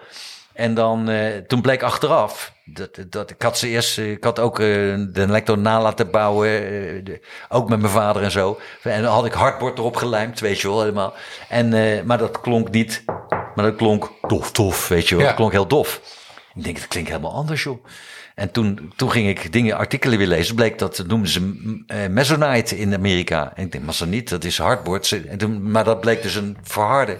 Dat is, hoe noem je dat? Water, waterproof hardboard. Oh ja, Dus ja. die, is geïmpregneerd. En, daar, en dus veel harder. Dus toen had ik dat weer door. Dus dan ging ik weer Masonite scoren. maar in ieder geval, die, die, die, die dubbelnek die ging dus kapseizen. Want als Oh ja. die, die, die, die koppen waren gewoon te zwaar. Dat, Ja. Die body was in verhouding veel te kort. Ja. Dus ik stond, met, ik stond de ding constant op te hijsen. Toen heb ik weer een laag hè, hardhout, zwaar hardhout erop laten lijmen van achteren. zodat het weer in balans was. En dat weer aangevuld. En, En dat weer hoeveel nekhernia's heeft je dat daar uiteindelijk nou, gekost? Uiteindelijk toen die klaar was, toen was die in balans. En toen, eh, en toen, en toen eh, hing die recht. En toen ben ik, eh, toen ben ik boven in de badkamer, ben ik op, eh, op een, eh, ben ik naakt met dat ding eh, op mijn nek op een weegschaal gaan staan. Eén keer zonder en één keer met. En toen bleek dat hij iets van 13,5 kilo was zo. Daar heb ik enkele decennia mee staan gooien. Echt. Ja, dat was af en toe. eh. Dat doe ik niet meer hoor. Ik doe het Nee, maar alleen nog maar in mijn bassolo gebruik Ja, ik hem nog. En in voorstellen. af gewoon een kwartiertje. Maar dat, is, eh, dat was toen wel. eh maar ja, je bent jong en, eh, en atletisch in die tijd. Ja. Veel, ik deed veel aan sport en zo. Ja, maar dan nog 13 kilo, man. Ja, Ik nou, mij het was is echt 6 waar. kilo al zwaar. Ja, hij, hij staat hier in mijn studio. Je kan hem zo, je kan hem zo Ja, even tillen Ik ben dan. wel benieuwd. Ja, maar ja, dat was echt. Maar wat gebeurde er? Ik, wij waren op tournee en we speelden met Aerosmith in Boston. In, in een Ahoy-achtig eh tafereel. En ehm, eh, ik speelde op die Den Electro met die, met die humbucker ertussen en zo, bla bla bla. Dat was mijn string. En toen, en dat ding wordt gestolen. Dus op een gegeven moment hebben ze, het was in die tijd gebeurde dat vaker. Dan liggen al die gitaren opgestapeld voor de rodies, voor de stagehands en zo. De bovenste eraf gepakt. Nou, dat was die van mij. Die was gewoon weg. En toen was ik echt wel ziek. En toen, maar wat had ik? Had die dubbelnek had ik bij me. Omdat je je op het tournee vaak ook verveelt, weet je. Je Ja. bent onderweg of aan het spelen. En ertussenin zit je naar ijsho- ijshockeywedstrijden en basketbal te kijken in je hotel en zo. En zit je rot te vervelen, weet je wel. Ja. Dus ik denk, nou, weet je, ik neem wat mee. Dan kan ik een beetje sleutelen en rommelen. En dus ik had die dubbelnek had ik bij me. En gelukkig dus. Dus ik denk, nou, dan, dan neem ik dat ding maar, probeer ik dat. En het bleek dus gewoon te gek te zijn. Klonk, het klonk gewoon hartstikke tof. Ja. Kleine, kleine ingrepen en dingen. En toen ben ik eraan gaan klooien. Dus toen, toen ben ik op een gegeven moment eh, ook wat meer op een long scale gaan spelen. Want ik speelde eigenlijk alleen maar short scale. Ja. En toen ben ik eigenlijk gaan, gaan wennen om... eh, ik dacht van nou, als zij dan toch bas willen worden... dan speel ik dat op die long. En dan eh, dat en dat. En als het echt moet gaan rammen... dan ga ik gewoon over met een schakelaar klink naar die onderkant. En dan kan ik even scheuren met die Ja. Dan Electro. En daarna ga ik weer netjes in de pas. Gewoon, ja, ik speel ja, ja, nee, echt waar. Nou, het was eigenlijk wel geinig. En het was eigenlijk ineens... Ik had eigenlijk mijn eigen geluid ineens. Ja. En toen ben ik uh, toch ook meer met mijn vingers uh, gaan spelen op een totaal onorthodoxe manier, blijkt achteraf. Uh, want ik, ik had eigenlijk niet het echte dat bas spelen. Ik ben toch echt een plektrum-bassist van origine. Ja. En uiteindelijk ben ik toen ook als een gitarist gaan spelen. Wat eigenlijk heel uh, oneconomisch is, want achter spelen, dat doe je zo, weet je, met twee vingers. Ja. En niet met een duim en een ding. Maar ja, toen zag ik een keer Ja, Jeff Beck spelen. Die speelt ook met zijn vingers. En dan denk ik, hoe kan die dan tremoleren? Hoe doet hij dat dan, weet je wel? Op een gegeven moment ga je andere dingen doen. Wat, je, wat ik doe eigenlijk is compenseren door octaven te spelen. Door in plaats van steeds af en toe de octaaf erbij pakken met je andere vinger. Maar dat heeft dan te maken met hoe je je, ja, je hand houdt, een beetje flamengo-achtig. Precies, en dan heb je vanzelf die ringvinger en die Pinkie daar dan. Ja, die vrij om... Dan, ja, ik, ik, ik, kan geen, geen, geen slap of dat soort dingen doe ik niet en zo. Dat doen.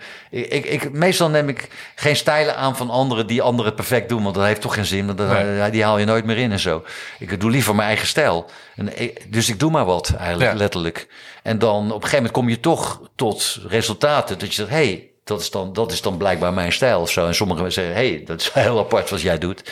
Denk, ja, dan, dan kun je bepaalde dingen niet, maar je kunt andere dingen ook wel heel Ja. erg, eh, weet je, die, die een ander helemaal niet eh, beheerst of zo. Nou ja, zeker als je, zeg maar, nou, hoe je het zelf noemt, onortho- onorthodox speelt. Ja. Dan zijn het ook weer partijtjes waar mensen die wel orthodox spelen, die komen daar dan misschien niet op. Nee. Want dat zit niet in je... Dat is een heel groot voorbeeld. Wat jij zegt is precies wat mij ook een keer meemaakt. Ik ben ook een hele, eh, hele mediocre pianist, zou ik maar zeggen. Ik ben Ja. ooit in de jaren 60, toen we eenmaal speelden, dacht van ja, ik wilde ook wat meer componeren. Dan ga je op een piano, ga je een piano kopen en dan ga je dat proberen. Heb je ook geen helemaal geen van jongs af aan niks, ben ik op latere leeftijd pas gaan doen. Dus ga je alleen maar doen wat je wil horen. Ja. En wat je kan, dat gebruik je. En wat je niet kan, dat kan je niet. Nee, dat Dan- zit niet op, Jammer dus dan niet, ja. ja, dan moest ik in de jaren 60 hadden we, gebruikten we, eh, of eh, hadden we een, een sessiepianist, Kees Rama. Dat was een, gewoon een hele goede jazzpianist. Ja. Die, die arrangementen schreef voor de blazers bij ons. Die kwam dan in de studio. En ja, op een gegeven moment wilde bijvoorbeeld, ik noem maar wat, een nummer spelen. En dan speelde ik dat zo voor. En dan moest het wel opnemen en dan moest hij het spelen. En dan, eh, omdat als ik het zou doen, moest ik het indubben. En dan was ik tien keer aan het spelen, maakte ik eigenlijk alleen maar fouten en zo. Dus hij speelde dat dan. En eh, toen, als ik het allemaal dat uitlegde, dan zat hij te kijken zo. En dan zei hij, daar zou ik nou nooit opkomen. Wat Nee, jij nou net nou, zegt. dat is, ja. Ik nou nooit op. Ik zei, hoe, hoe, het is wel simpel. Ja, het is wel simpel. Hij zei, maar omdat je alles verkeerd doet, je zwingers verkeerd neerzet, kom je op dingen waar ik nooit op zou komen. Ja, En ze, hij zegt, en, dan, en dat, dat was echt wel heel, dat was een hele goede les eigenlijk ook. Want wat, wat heb ik nou meer nodig als ik toch mijn eigen muziek maak? ja. Ik ben geen, ik zit niet in een coverband. Ik hoef, ik hoef niet te spelen wat anderen doen. Ik, ik speel gewoon mezelf. Ja, En dat is wat wij ook altijd hebben gedaan. We zijn Ja, gewoon precies. onszelf. En eh, ja, dan hoef ik al die trucs en die toestanden niet. Ja, uit interesse zou ik het wel eens een keer eh, kijken hoe dat werkt of zo. Ja, maar het is niet ik doe, soort eh, ambitie het is het makkelijkste is. jezelf te zijn. ja. Weet je wel? En als je dat jarenlang doet, dan kom je op dingen. Dan ook ontwikkel je dingen. Want ik, heb, ik ben nu dus bezig om te kijken naar dat laatste optreden. En dan, dan kijk ik naar, dan kijk ik, zie ik mezelf dingen doen die ik echt een paar jaar daarvoor echt niet kon. Nee. Wel in mijn eigen stijl. Maar ik denk van, hé, hey, dat Maar je toch- ziet nog steeds toch gekomen. Ja, Ja. dan heb je nog steeds een ontwikkeling, ja. En op een gegeven moment ben je dan, eh, eh, eh, heb je die piano een beetje ontdekt, zeg maar. Ja. En als je nu dan iets schrijft, ga je dan vaker uit van, van een baspartijtje of van een ding? Of Nee, ik begin schrijf bijna piano? altijd toch wel op piano en zo. Maar om, ja, dat, dat, of op, ja, niet vanuit een baspartij. Dat is misschien gek, maar dat is niet mijn. Ik voel me eigenlijk meer muzikant dan bassist, eerlijk Ja. gezegd. Maar het is dat een bas een fantastische rol in een, in een band speelt, natuurlijk. Ja. Alles kan eromheen, weet je. En je kan, en als je, eh, ja, als je een beetje verdiept in wat ik in de, door de jaren heen heb gedaan bij de, in de Iering, dan is dat toch ook eigenwijs wat er gebeurt. Er zitten vaak, Ja. vaak eh, tertsen in of andere noten die, die een ander niet zo gauw speelt als bassist. Want dan zeggen ze gauw, ja, wil jij bij, bij de na- basisnoot boven de houden? Maar ik ga gauw melodieachtige dingen spelen. Ja. Weet je wel, eh, eh, dingetjes. In plaats van die ene toon omlaag, ga je juist die ene toon omhoog, weet je wel, of zo. Eh, ja, dat vind ik gewoon dat lekker. Dat, dat doet hem iemand als Paul McCartney ook of zo. Ja, weet je precies. Dat zijn, En is dat dan iets waar je dan tijdens het schrijven of tijdens het, nou, het maken van een nummer dan heel erg mee bezig. Oh, maar ik zou nu eigenlijk dit kunnen doen, maar ik ga even lekker in plaats van een B ga ik Ja. naar C. Op- Ja, dat echt klinkt zo lekker. Niet, Ja, niet, continu, niet consequent. Maar je, moet, je doet inderdaad dat die, die, hè, die A, F, G. En op een gegeven moment ineens doe je toch even die B ertussenin of zo. Weet je? Ja. En dan is het ineens, dan verrast dat is verfrissend. Net zoals simpele dingen zoals in Redalaf. Dat je op een gegeven moment besluit. Of, dat ik, ik dan eh, optioneer dat ik zeg van joh, zullen we het niet gewoon bas drums doen alleen? En dan komt de gitaar in dat graag een antwoordspel met die zang. Komt dat veel vetter uit. Ja. In plaats van, eh, kijk, eh, later, eh George is, die kan dat niet. Op een po- podium gaan staan wachten en alleen de bas aan. dat kan hij niet. Dus wij spelen gewoon, normaal speelt hij dat gewoon lekker mee. Ja. Maar in de, in de studio hebben we dan, is de overzicht. En dan zeg je van, joh, als je het weghoudt, dan komt dat veel sterker uit. Ja. Nou, en dat is, dat is een kwestie van arrangeren. En dan zit je dat te spelen.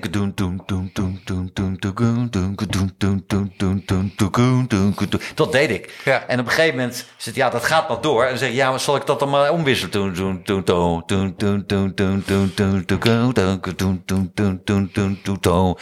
Dan heb je het al gehalveerd voor je gevoel. Qua verveling, zou ik maar zeggen. Het wordt spannend Moet je toch opletten welk rondje heb ik net ook weer gespeeld. Maar die ene noot, die is net wel heel erg bepalend dan. Dat je even die dat, eh, even die verlossing brengt, weet je wel. En dat Ja. zijn hele simpele dingen die iedereen kan verzinnen. Maar, eh, maar ja, daar draait het wel vaak om, weet je wel. Ja, ja, en doe het maar eens, weet je wel. Zeggen mensen, ja, dat kan ik ook. Ja, ja, Ja, doe maar. iedereen kan dat. Ik, Ja. ik, hoor, ik hoorde die versie bij, bij de wereld, zo heet bij Matthijs gaat door. Dit is de Reden Love. Ja. Fantastisch dat ze dat ook op orgel spelen en niet een zanger laten doen. Want dan was het weer, ja, dat kan alleen Berima zingen voor mijn gevoel, weet je wel. Ja. En da, maar eh, op een gegeven moment hoor je die rhythmsectie, die, perfect gewoon. Ja. Die hebben dat dan toch eh, geraakt. En ben trots dat ze hebben zitten luisteren. Eh, hoe, wat de oorsprong eh, is Ja, dat ervan. begrepen hebben, dat hebben ze maar. begrepen, ja. Ja. En daar hebben ze ook respect voor, weet je wel. Ik kan me ook best wel voorstellen dat je, dat je best wel vaak bands eh earring nummers hoort coveren. En dat je dan denkt, ja, je, je speelt het liedje wel, maar je hebt het niet begrepen of zo. Je speelt de partijnaam, maar dit... Maar er zitten ook wel rare dingen af en toe in hoor. Zoals je als wij, ik weet niet of je dat kent of zo, sleepwalking bijvoorbeeld. Mhm. Daar zit echt een gitaar, een soort gitaarlik is dat, weet je wel. Er zit met, met, dat, dat kan ik me wel voorstellen dat mensen daar moeite mee hebben. Het is echt een short scale ding. Ja. Met echt een electro ding, weet je, met dunne snaren, weet je wel. En eh, de katako, de katako de kako, de katako de katako, weet je wel. Dat zou iemand tegenwoordig sleppen of zo, weet je wel. En ik deed dat met een plektrum met een vervormd geluid. Of een, zo'n kwak-kwak geluid erop Ja. of zo, weet je wel. En ja, dan, dan, dat is wel heel specifiek. Dat hoor je zelden eigenlijk, Ja. weet je. ja, maar dan nog, je kan het dan wel uitzoeken en naspelen of zo. En misschien wel als je het op een elektro speelt. Door, nou, hè.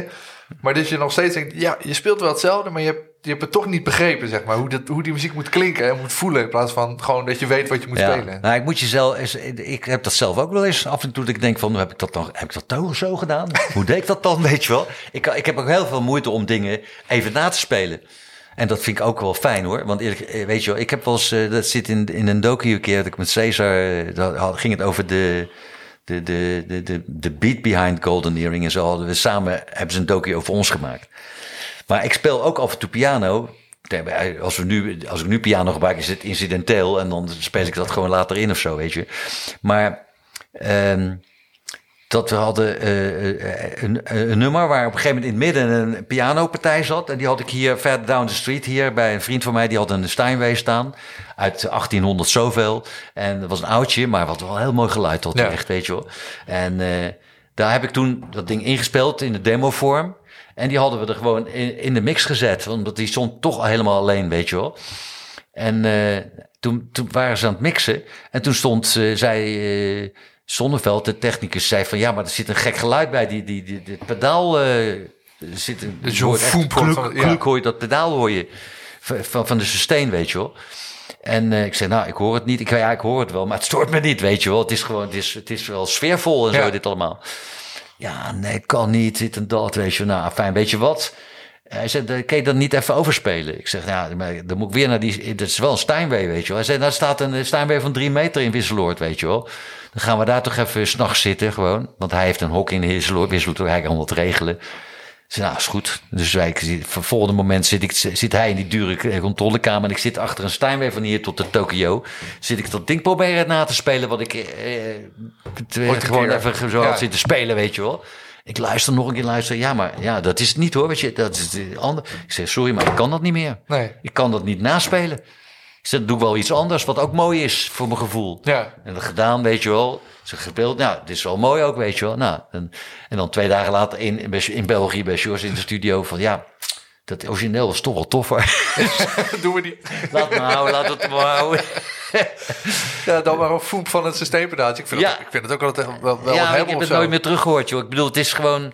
Het, het, het, bepaalde gevoel kan je niet opnieuw naspelen. Nee, Dat, je kan alleen een andere versie maken met zoveel mogelijk gevoel erin, weet je wel. Maar om het nou echt... Kijk, wij zijn geen Eagles of zo. Of Nee. er zijn bands die dat perfect doen. Of met allerlei clicktracks dingen langs laten komen en dit alleen nog maar inspelen. Dat vind ik wel knap allemaal, maar het boeit me niet. Dan denk je op een gegeven moment... Ja, nou, dan zet ik de plaat wel op. Of je- ja, het- het- je wordt op een gegeven moment krijg je er geen... eh, ik, heb, ik heb veel liever dat ik me erger aan iets... oh ja. Weet je wel? Dat je denkt, of dat je het fantastisch vals of- vindt. ja. Als dat je het zo voorbij hoort komen, het is prachtig. Want het is ook wel eens, ik vind het ook wel eens vervelend als ik iemand zie spelen die echt heel goed is. Ja. En dat ik toch denk van, nou, ik heb het wel gehoord of zo, weet je wel. ja, omdat er dan... Er valt niks te ontdekken over. Ja, alles van, is nou, toch wel op een raar. ander kanaal of zo. Even Ja. toch, maar ik heb het nu wel gehoord of zo, weet je. wel. Ik denk, dat is toch raar? Ja. Je hoort dat toch gevoel bij te weet je wel. En het is dan echt, dan schaam ik me ook haast. Dan denk ik, dat die vent speelt zo fantastisch goed. Nou, dan hoor ik liever iemand eh, eh, risico nemen. Ja. Weet je wel? Ik hoor li- liever iemand spelen die niet zo goed kan, maar dat wat hij kan zo doet dat ik denk van, weet je wel. Vooral vol overtuiging ja, en ja, gevoel. en- eh, ja. heb ik ook wel eens van, dat hoor je met de voice tegenwoordig ook. Je hoort mensen zo fantastisch zingen, maar ja, hoe, hoe hoog moet je? En hoe, hoe lang kan je het volhouden? En hoe, weet je wel, la- laat maar dan iemand iets doen, waar, iets breekbaars doen, weet En je wel. heb, heb je dan het gevoel, want we, zijn, we zitten natuurlijk in een tijd waarin je alles kan rechttrekken en in elkaar editen en weet ik veel. Ja, dat kan, ja. Ja. Dat maakt het nog erger. Ja, precies. Maar als jij nou nu naar, naar 60 jaren dingen luistert, ik noem maar soul. Ik ben ook wel, ik vind soul, eh, eh, alle soorten muziek tof. Ook, ook eh, fusion, jazz. Mhm. En het is sowieso interessant om die, die weg te volgen vanaf de jaren 50 tot, weet je. Maar ja, dat tunen, als, je, als ik nu de Supremes hoor bijvoorbeeld, dan is zo vals als een hoer gewoon echt. Ik bedoel, Ja. echt letterlijk. Je Ja. luistert gewoon, het- ja, het is vals, maar toch doet het me geen pijn. Weet je hoor. Als de Supremes hadden gezongen op een band zoals ze ze nu maken, Geen zak dan had ze vreselijk vals geklonken. Weet je wel? Dan had je gezegd, ja, dit moet toch even door de autotune hoor, want dit kan niet. Maar dat komt omdat we alles al, al die keyboards zijn zuiver. Ja. Weet je wel, eh, digitaal gestemd, weet je wel. Ik bedoel, eh, de gitaren worden gestemd eh, met, een, met een stemapparaat en zo. En alles is perfect. En als het niet perfect is, dan kunnen we dan nog wel een punt aan En we draaien. fixen het wel in de ja, mix, en dan ja. komt de zanger binnen. En ja, en die, die, dat is dus een ongelijke strijd. Dus, Ja. en, dus die wordt ook even door de harmonizer en de dingen en de tuner en de, en de hoe heet die, die dingen? eh, de, de, m- ja, Melodyne, Melodyne eh, gehaald. Ja, dan, dan, kan, nou, dan klinkt het perfect. ja. Maar ja, En op dan? een gegeven moment dan ben je het kwijt. Dan denk je van ja, daar heb je er weer. Ja, dit is goed. Maar, eh, eh, het klinkt goed. Dan hoop je dat het eh, te gek ritme heeft of zo. Of dat het toevallig een heel goed liedje is. ja, of dat het een goed liedje is. Dat, dat, dat vooral. Wat, wat blijft hangen. En nu wordt- tegenwoordig wordt dat erin gestompt. Ja. Weet je wel. En dan, ja, dan, dan moet je wel om, weet je wel. Maar ja, weet je, als die gozer die dat huis van die eh Oerlemans heeft gekocht. Die, hoe heet die, de, de Weekend? Weekend? Oh ja. Die gozer koopt voor 50 miljoen een huis. Omdat Ja. hij een liedje heeft gemaakt wat iedereen kan meezingen, weet je wel een heel goed liedje. Ja, het is wel een aangenaam liedje. Wel leuk. En het is ook, ja, dat, is wel, het zijn, dat zijn wel grappige dingen. Ja. Maar ja, wie kent hem nog over tien jaar, weet je wel? Dat vraag je je dan af. Ja. Nou, ik vind toch ook, want ik heb bij dat soort dingen, want je zit natuurlijk in een, in een tijd van perfectie of zo. Er is ook altijd weer een soort tegenbeweging. Want je had het aan het begin van dit gesprek over zo'n beentje wat dan helemaal die, de looks en de sound van de jaren 60 beentjes heeft. Ik heb toch het gevoel dat dat weer een beetje toen, echt van die rammelige punkbeentjes. en Ja, maar die- jij zegt net, ik heb een Mustang-bas. Ja. Daar wil je die vroeger niet dood mee gevonden worden. Ik bedoel, dat was een kinderbas. Ja. En, of voor een meisje. Nou, nu zie je meisjes veel meer ook bassen. Dan zie je, wat is er mis met een Mustang-bas? Ja. En je ziet, eh, iemand- laatst eh, bij, bij, een sessie, eh, eh, ook over feest, waar maar, stond, kwam een gozer met een, met een Hufnerbasje, met nylon snaren erop. Nou, Nylonsnaren? een vloek was dat vroeger. Ja, nylon snaren zoals je vroeger op een burn zaten. Ja, van ja, die ja. zwarte snaren. En dan op zo'n Hufnerbasje wat ik nog nooit had gezien. Eh, Dus viel ze wat uit elkaar. En toch had hij een mooi bas Ja, geluid. gaaf. Weet je wel? Ja. En hij zat daar en ik denk, ja, maar het was wel een standaard basgeluid. Ja. Maar dat werd ook blues gespeeld. En dat was, dat was gewoon standaard blues en de klonk als blues, weet je wel. Ja. Nou, een vakman, denk ik, denk ik dan. Ja, precies. Weet je wel. Maar, dan ik is keek- het dus niet perfect, want het ding valt uit elkaar. Nee, een de beetje notabene. valsig. En, Ja, want ik dacht, daar zit vet- ik zat buiten te wachten tot ik aan de beurt was om er ook iets mee te doen. En, en ik hoorde boven gewoon een perfecte bluesband spelen. Een mooie bas en zo, weet je wel. En ik kom binnen, ik zie die gozer op, op dat wufnertje Ja. spelen. Nou, ga je dan met je precision, eh, mus, eh, whatever, eh, met al, al alle toeters en bellen eraan en Ja. zo, weet je wel. Dat is allemaal niet, niet zo belangrijk. Het maakt, mij, maakt mij namelijk niks uit. Ik heb, ik heb ook... het, ma- het maakt mij eigenlijk niet zoveel uit. Mijn, mijn gitaren zijn helemaal niet perfect of zo, weet je Nee. wel. Maar ze hebben wel karakter. Ze hebben bepaalde dingetjes. Ik heb bijvoorbeeld alleen maar eh, bas, ba- ik heb bassen laten maken bij Foxymana. Ja. Die, die, die, die doen precies wat ik graag wil en zo. En dat zijn vakmensen. En dan wil ik toch altijd een lipstick daarbij. ja. Desnoods. En dan heb ik weer mijn dingetje. Dat kan ik je wel laten zien zo. Heb ik gewoon een, eh, in de vorm van de bas die mijn vader ooit heeft gemaakt. Heb ik bassen laten maken. Maar dan wel met een hele, eh, de fijnste longscale neck die ik dan fijn wil spelen. Is bijvoorbeeld de Yamaha, Oh ja. Yamaha, Yamaha 3000. Ja, ja, die heb ik ook 3000 een tijdje gebruikt. Die is mo- mooie elektronica. Een van de weinige actieve bassen die mooi laag hebben. ja. Weet je wel, daarom heb ik ook, heb ik ook een tijdje ook gebruikt in de studio. Als, eh, dus voor- als ik een mooie bas wilde hebben of zo. Die heeft echt een zwoele basgeluid. Ja. Maar die nek is ook heel tof. Zuiver en zo, lekker spelen. Dus ik heb bij Fox gezegd dat als ik een bas wil, een longscale bas wil hebben, Die wil ik mijn kop erop, maar ik wil wel de nek, Ja. de vorm van de nek van die Yamaha hebben. Maar dan heb ik bijvoorbeeld weer, eh, bijvoorbeeld eh, twee jazzbas-elementen erop en dan achter een lipstick erbij. Dat is toch een soort ge- gemene, grote gemene deler in Ja. jouw hele... Ja, die, die hele lipstick gaat dan... lipstick, eh, ja. En dan kan ik nog schakelen ook, weet Ja. je wel. Omschakelen is noods. Dus dan heb ik van alles in huis. Dan kan ik... Meestal gaat die lipstick, dat is mijn sound. Die gaat naar de top eh, versterker.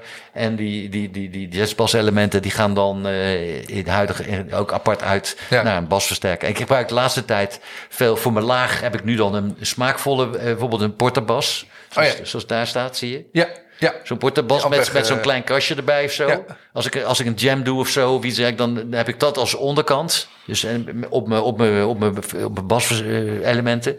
En mijn, en mijn, eh, mijn, eh, hoe heet het, mijn eh, top, eh, mijn, mijn lipstick gaat dan dus door zo'n, door zo'n, eh, ja, die heb ik ook, eh, die staat dan naast. Er staat zo'n, zo'n dat is zo'n electromonics eh, ding. Zo, Dat, zoals je zo wil laten zien. Dat zwarte ding. dat linker, die- wat naast die dingen staat. Oh ja. Dat, Dat is, zwarte dat is zo'n zo'n zo'n zo'n Dirt Road Special. Ja, ja, ja. Die heb ik ook helemaal laten ombouwen op een gegeven moment. Zodat alles in één zit. Er zit een, zelfs een eindtrapje in, want, omdat die te zacht is eigenlijk.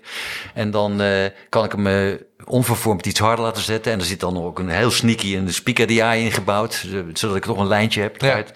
En dat is eigenlijk mijn setje. Als je dat, dat onderkastje rechts, Ja, met, zo'n, dat met dat bovenkastje links, daarbovenop. Dat Ja. is dan een setje wat ik meestal eh, gebruik. Ja. eh, bij, als ik jam sessions doe of zo of iets. eh. Ik wil toch even speciaal ook voor, voor Chris Dekker, de hoofdredacteur, die luistert ook. En dat, dan, daar ga ik vanuit, Chris, dat je luistert. Ik ging Is dit naartoe- live dan? Nee, nee, nee. maar ik hoop dat Chris nu op de fiets zit en dat, ik, dat hij zich aangesproken voelt.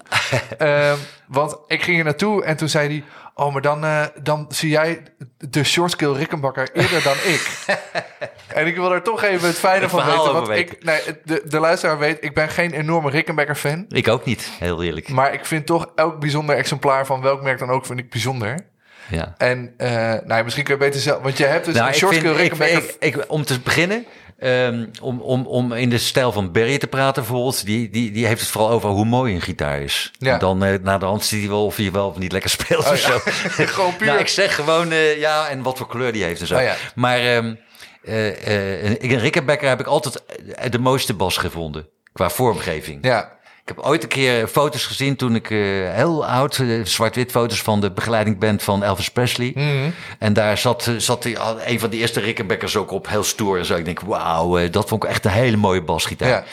En later, toen ze kwamen, uh, toen ze loskwamen in, in de jaren zestig eigenlijk, toen waren het, uh, ja, uh, ik vond ze een beetje te metallic, te levensloos. Ja. Te, te klang, echt dat, de jazz kwam ermee en die had dan echt zo'n vervormd Marshall geluid erop. Ja. Maar die speelde met een plektrum ook. En dat, dat was, ja, het was niet, mijn, niet het geluid wat ik zou eh, doen. Maar wel apart. Hij had een heel apart geluid daarmee. Ja, het, het, het maakt wel de sound van die Ja, band. precies, helemaal. Dus ook weer helemaal in mijn eh, idee. Ik denk, Ja. jij, jij doet dat, je hebt die bas, je hebt dat geluid, je hebt die stijl. Wauw, te gek, weet je wel.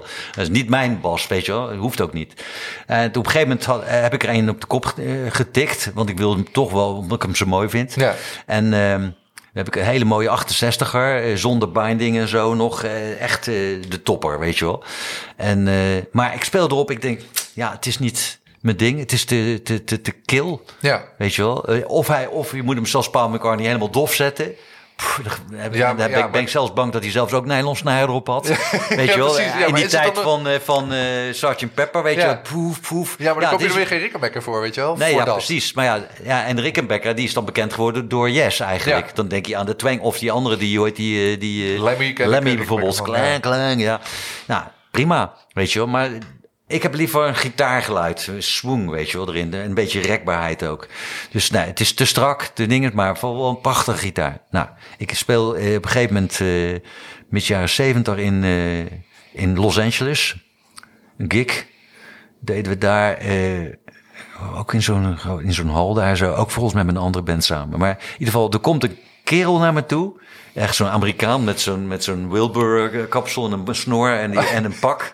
En die zegt zo, eh, ja, we noemen dat een Wilbur kapsel. Dus hadden ze net geen lang haar, maar het moest lang lijken. Ja, Als in precies. min- en scheiding hadden Ja. en dan hield het hier op zo. maar goed, dus... eh, eh, die zei, eh, ehm, waarom speel je niet op een, op een, op een Rickenbacker? I see you play a Dan Electro.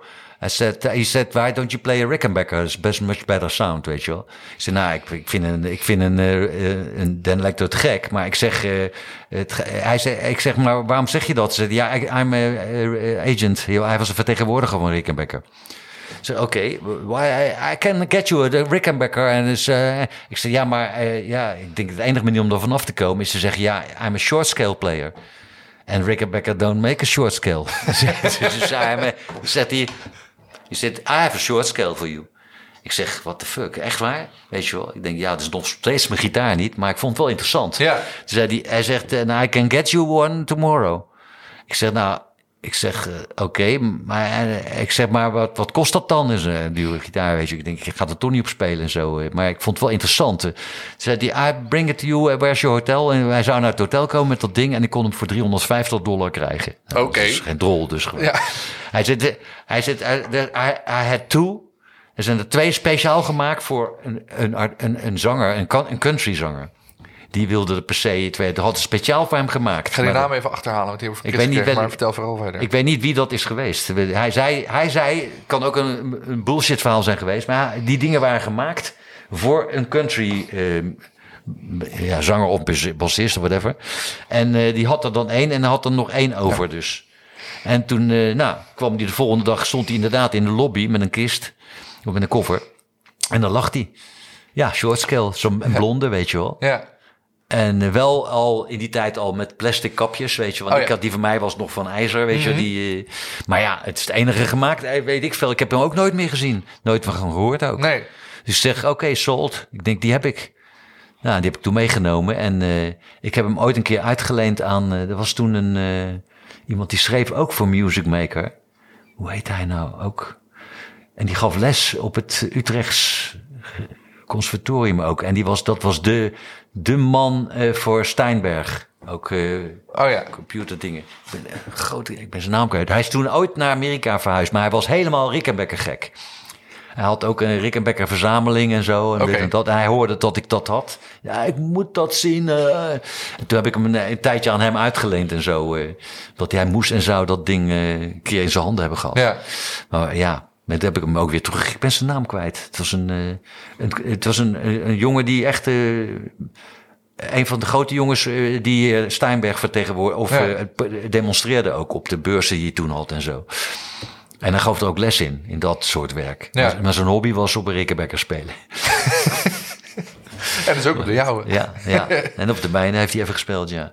Gaaf. Ik niet, maar goed. Maar ik vind het wel, het, was, het is wel een mooie, mooie gitaar. Het is ook Ja. sowieso te gek om, om zo'n ding te hebben dan, Ja. weet je wel. Ja, Want je weet dat er maar twee van zijn. ja. Ja, maar het gekke is, er zit ook natuurlijk altijd gelijk uh, short scale snaar opgezet. En dan luister je en dan is met... Ja, het is een beetje... Ja, er zit gewoon geen body in. Als je, Nee. als je hem niet versterkt, zit er helemaal ook geen scale laag in en zo. Nee, want je denkt bij short denk ik toch zit al vaak is het wat boomier qua lagen. Ja. Zo, woe, dat. Ja, ja. Maar dan heeft nee, hij dus zit haast geen, ook als je hem zo speelt, hoor je haast geen toon, weet je Nee. wel. Ja, Bijzonder. En de- die, die, die, die, die eh, hoe heet het, de, de, de toets is ook zo kil, zo, Gelakt, hè? zo, die zo toets. lakt. Ja. Het voelt niet warm aan en zo. Maar ja, het is een kwestie van smaak. ja. Ja. Ik, heb, ik heb een slotvraag van, eh, van een luisteraar, van Elmo. Want eh, ja, de, de earring is denk ik, kunnen we zeggen dat de earring gestopt is. Ja, de, ja, de, de earring is gestopt. We- En Elmo die wilde weten, hoe zie jij je toekomst als bassist nu voor je? Want je, je bent natuurlijk nog steeds van de earring. Ja, Maar, maar, eh, ik, eh, kijk, ik bedoel, we zijn natuurlijk allemaal oude lullen on- ondertussen, dus we gaan niet meer lopen zoeken naar een nieuw bandje of zo. Nee.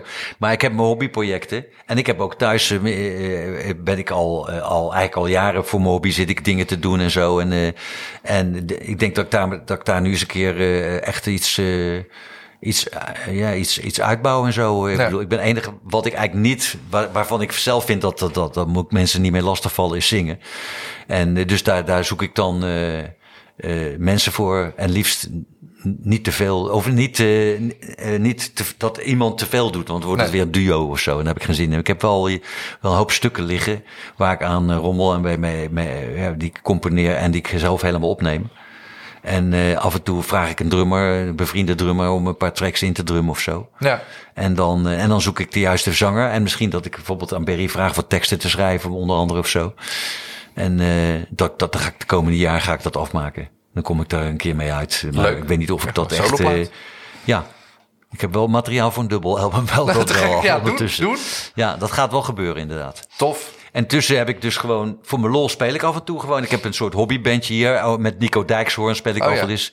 En eh, dan spelen gewoon in, in, in kleine dingetjes, kleine, ja. eh, Maar het, niet, het mag niet al te veel namen hebben, geen grote. Ik ben niet zoals Caesar bezig, die heeft alweer een nieuwe band, weet je. Ja, precies. Die zit met een band, eh, Sloper heeft Ja, hij nou. met twee drummers gaat en twee helemaal los, gitaristen, gaat ja. Zonder bas trouwens. Ja, ja, ja. ja. Trouwens, nee, die ene, ja, nee, die ene, die ene, die Engelsman, die speelt af en toe een Mustang-basje. Ja. Maar dan speelt hij wel echt gitaar erop. Ja.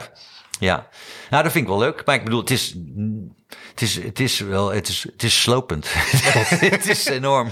Maar ik vind het wel te gek om die, de inzet van die gasten. Ja. Want hij doet dat Mario. eh, Mario die, Triggerfinger, ja. En ze staan echt, ze zijn continu het drum battle aan het doen. Maar Eh, die Mario die brengt structuur in Caesar. Dat vind ik wel mooi om te zien. Want Mario is echt, eh, die kijkt tegen Caesar op. Maar Caesar leert weer heel veel van Mario. Ja, waanzinnige drummers, allebei. eh, ja, maar die is zo strak als een huis, echt. Die kan wel met een kliktrek spelen, Ja. wij spreken. Ja. En, en je ziet dat het goed in elkaar zit allemaal. Dat, want Caesar is echt iemand, zoals wij allemaal zijn, van beginnen, ja, aftellen, ja, hup, gaan, weet je wel. en nu gaan we beginnen. Ja, we gaan nu beginnen en we zien wel. Ja. En, en die Mario heeft er duidelijk structuur in gebracht. Er zijn ook echt, ze spelen echte riffs en zo. Een beetje Queen of the, Queens of the Stone Age. Oh ja, beetje een stoner-achtige, Ja, ja ka, weet je echt van die, van die licks eh, die echt staan, weet je wel. Ja. Volgens mij hebben ze net een plaat uit. Die heb ik nog Ja, niet ze, gecheckt. ze hebben hem toevallig. eh, ik ben bij die presentatie geweest. Hebben, twee weken geleden hebben ze het eh, ge- gepresenteerd. Inderdaad. Moet even luisteren nou. Hebben ze gelukkig akoestisch gespeeld. Hoefde ik me wat op te verdienen. Nou, dan zo, zulke muziek en dan akoestisch hoort toch ook eigenlijk niet Nou, dat, en er kwam nog wel energie uit hoor. Want ze staat er gewoon met van die, van die drumboxen. Met Oh ja, die, kagons, dozen, ja. kagons. En dan met eh, wat, wat percussie erbij en zo. En het toch kwam en die gasten allebei met een akoestische gitaar.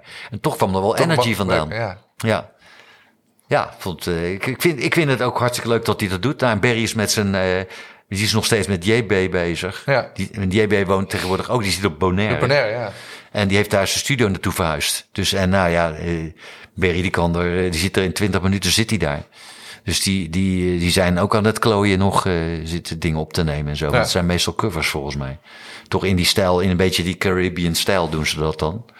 JB speelt het allemaal en dan doen ze alleen maar percussie erbij. Volgens mij Oh niet ja. met een drummer of zo. Dus die is ook op zijn manier lekker bezig. En eh, nou ja, George is natuurlijk, eh, ja, dat is een eh, dramatisch gebeuren. Die, Ja.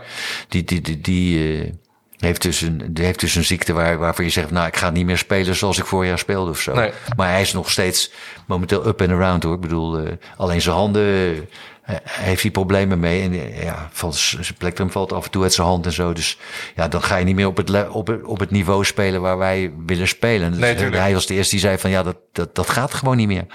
Dus dan, dan kunnen we het beter call it a day, weet je wel. In plaats van dat we moeilijk gaan doen en zo. Ja, En eh, nou, dan moet ik eerlijk zeggen, dan kijk ik op, eh, op 50 fantastische jaren terug. Ja, lijkt Maar mij het is, eh, er is eh, genoeg om trots op te zijn, weet je wel. ja.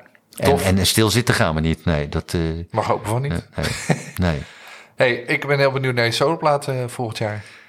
Ja, er staat. eh, nou ja, ik, ik, ik, ik hoop je niet teleur te stellen. Er staan echt wel hele leuke dingen bij ook. Het is ook.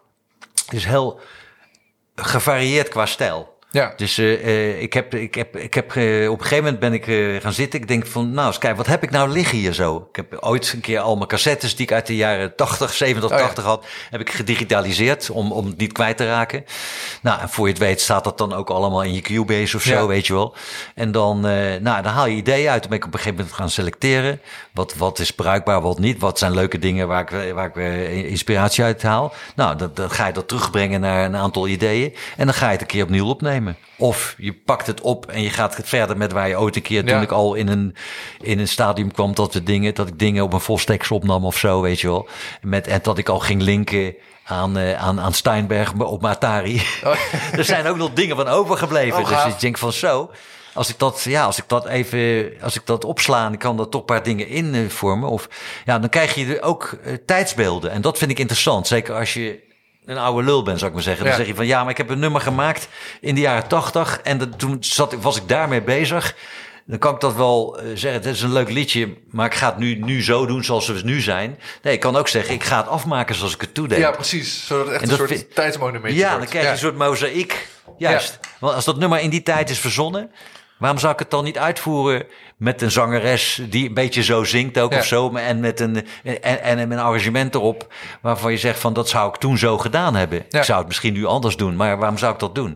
Dat vind ik juist wel leuk, omdat Ja. die diverse stijlen en sounds dan ook gewoon achter elkaar te zetten. Ja. Dat, dat, dat lijkt me gewoon een interessant gegeven. En het is echt niet, ik denk ook niet commercieel. Want dan kan iemand zeggen, ja, maar dat is. Ik hoef helemaal, ik hoef het niet te verkopen. Nee, nee. Ik, wil, ik wil ook Wil niet eh, grote recepties en toestanden, platenmaatschappijen. Eh, liefst dan bij een klein labeltje of helemaal niet. Of ik zet het zo eh, op, op een Facebook of zo, weet ik veel wat. Ik zie wel, eh, ik moet het eerst eens op mijn gemakje afmaken. Ja. En nou, ik hoor wel die paar mensen aan wie ik het laat horen, wel eens. En het zijn heel. eh, Nou, ik werk met een eh, jongen samen die de, die mixages doet. Ik doe eigenlijk al het werk eigenlijk hier. En af en toe dan heb ik een bevriende drummer die het dan in. Meestal hebben ze een eigen ruimte waar ze Ja. te kunnen indrummen of zo. En eh, ja, maar eh, eh, dan op een gegeven moment heb ik alle tracks en die stuur ik dan naar die die vriend van mij toe. Die heeft dan een, eh, een set waar die kan mixen. En dan sturen we, bouncen we dat heen en weer tot ik tevreden ben. Meestal doe ik een eigen mix erbij. Oh ja. Maar dat is dan meestal kill. Dat is gewoon helemaal kaal bedoel ik. Dus Ja. eh, zonder effecten, eh, eh, limiters, bullshit, alles, alles gewoon in de, in de vorm zoals ik denk dat, die, dat de muziek moet klinken. Ja. En dan is het, ja, dan zal het wel misschien zo zijn of zo. Het maakt niet uit, maar knap jij het dan op dat het hi-fi klinkt, dat, dat het draaibaar is Ja. op elke installatie. Maar dat is een vak apart voor mij. Ik wil gewoon de muziek, wil dat die song overkomt zoals die zo klinkt, weet Ja. je wel. En dan eh, kijken of het niet vernacheld wordt door een dubbele echo of zo. Want dan gaat hij er weer af, weet je. Ja. Bij spreken. Het moet er wel beter van worden. ja, het moet er beter van klinken. Ja. Maar het moet wel dezelfde identiteit houden. Ja. Voor mijn gevoel. En dat is heel tegenwoordig wel fijn. Want je, kan, je hoeft niet eh, eh, bij elkaar te gaan zitten. Je kunt het gewoon opsturen en je laat me maar verrassen dan. Ja. En als ik dan, ja, en dan gaat dat vaak nog wel eens heen en weer of zo. Zeg van, joh, luister nou eens goed naar wat ik heb gedaan. Het moet alleen beter klinken. Maar het moet, maar maar dit, het moet maar muzikaal hetzelfde zijn. Ja. Weet je wel? Want dan zit ik ineens met, eh, met graphics en dingen en limiters en dingetjes, weet je wel. En daar, daar heb ik eigenlijk eh, geen geduld voor. Nee. Of ik moet weer een cursus gaan volgen, zelf eh, meten. Dan ben ik weer een jaar verder. Dat Dat is wel lekker om te kunnen. Maar is ook Is er niemand raken? Ook nog, misschien komt het er ooit wel weer eens een keer van. Ja, misschien kan ik het net zo goed zelf doen of zo, weet je wel. Eerst maar een goede plaat maken. Eerst goeie, een paar goede songs en zo. Ja. Ja. en mensen die- dat te gek kunnen zingen of zo voor mij en zo, weet je Ja. Ik heb, ik heb ooit een solo LP gedaan samen, of een solo, een, een duo ding met eh, Michel van Dijk. Dat heette toen Gerritsen van Dijk. Heb ik toen ook, eh, zeg maar, de gitaar en de, de- en de piano en de bassen zelf ingespeeld. Met, met een goede drum, met Shell Schelling als de drummer. En hij schreef de teksten en zong het. En ja, maar we zijn ondertussen weer 30, 40 jaar ouder. Dus, maar ik heb wel toch twee nummers erbij die helemaal in die stijl waren. Tof. Zelfs nog overgehouden van toen. Dat Oh, ik ja. van verrek, die maak ik Die heb af. ik nog. Ja. Die heb ik nog. En dan denk ik, en toen heb ik het eh, hem laten inzingen. Ik kan het zeggen, dan moet hij het ook inzingen. Toen heeft hij het ingezongen. En hart, heel tof, maar heel apart. Hij, hij, eh, hij had toen op cassettes. Had hij een demo. Toen, van toen had hij al. Toen de tijd al iets ingezongen. En. eh demovorm. En op een gegeven moment had hij een nieuwe tekst geschreven. En had hij het ingezongen. Ik zeg ja, maar ik herinner me dat heel anders en zo. Dus we zijn we weer gaan zoeken. En toen hebben we inderdaad een eh, losse track gevonden. waar hij dat, Waar dat toen zong. Oh, wauw. En eh, met, een hele, met een andere tekst. Maar het paste precies in het nummer, weet je. Want ik had het ge, eigenlijk uitge, gearrangeerd, ingespeeld op de originele basis. Ja. Ik heb het alleen alles vervangen, weet je wel. Maar toen, toen kreeg ik dat, die track door. Ik denk, want ik had een cassettetje waar hij dat op had gezongen. Maar dan hoor je heel muffeld in de, in de verte. Maar die tekst klopte precies. En ik had niet veel tekst nodig. Het was maar een paar stukjes eigenlijk. En ik zeg, maar je hebt het ooit anders gezongen? Ja, dat weet ik niet meer. En toen heb ik, die vriend van mij, die heeft, had de originele tracks nog ergens. En die heeft toen de spoor gevonden. En dat heb ik dat erin gezet. Ja, dat was gewoon te gek. Ja. Maar hij klonk als een... ik heb ik het hem opgestuurd. Ik zeg, je lu- hij, hij vond het helemaal te gek. Hij zei, maar ik, hij zegt, eh, dat heb ik toen gedaan, maar dat zou ik nooit meer zo kunnen zingen. Ik zei, nou, het staat gewoon goed op. Hij zei, maar weet je waarom ik het nooit meer kan zingen? Toen rookte ik nog en dan rook ik niet meer. hij had zijn helemaal rokerige stem. Had hij. hij zegt, ik kan dat geluid niet meer nabootsen. En dat was wel te gek eigenlijk. Gaaf. Ja, Nou, we zitten op anderhalf uur, Ines. god, wie heb ik? Heb ik nou een record gebroken? Of is eh, Henny, ja. was Henny toch langer? Nou, dat weet ik niet uit mijn hoofd, maar ik, Ja, ik wil Henny pakken. nou, nee, hoor. Nee, ik, vind- nee. ik denk dat... eh Het is wel mooi gewoon zo. vind ik ook. Hey, super fijn. Ik ben eh, heel benieuwd naar die Rikmekker. Die ga ik je nou laten zien. Ja, leuk. Moeten we even, eh, moeten we hem even naar Zolder. socials eh, zetten. Ja, En eh, ja, bedankt. Fijn dat ik er mocht zijn. graag gedaan. Ik vond het leuk, gezellig. Je luisterde naar Basgasten en dit keer was ik in gesprek met Riede Scherritsen. Basgasten wordt gemaakt door mij, Hidde Roorda. De muziek die hoort is van Tyranny Vlak. Alle genoemde nummers staan in de Basgasten playlist op Spotify. Check Basgasten op Facebook, Instagram, vriendvandeshow.nl slash basgasten. En laat vooral ook even een reviewtje achter op Apple Podcasts en abonneer je op je favoriete podcastkanaal. In de volgende aflevering hoor je Pieter Dik.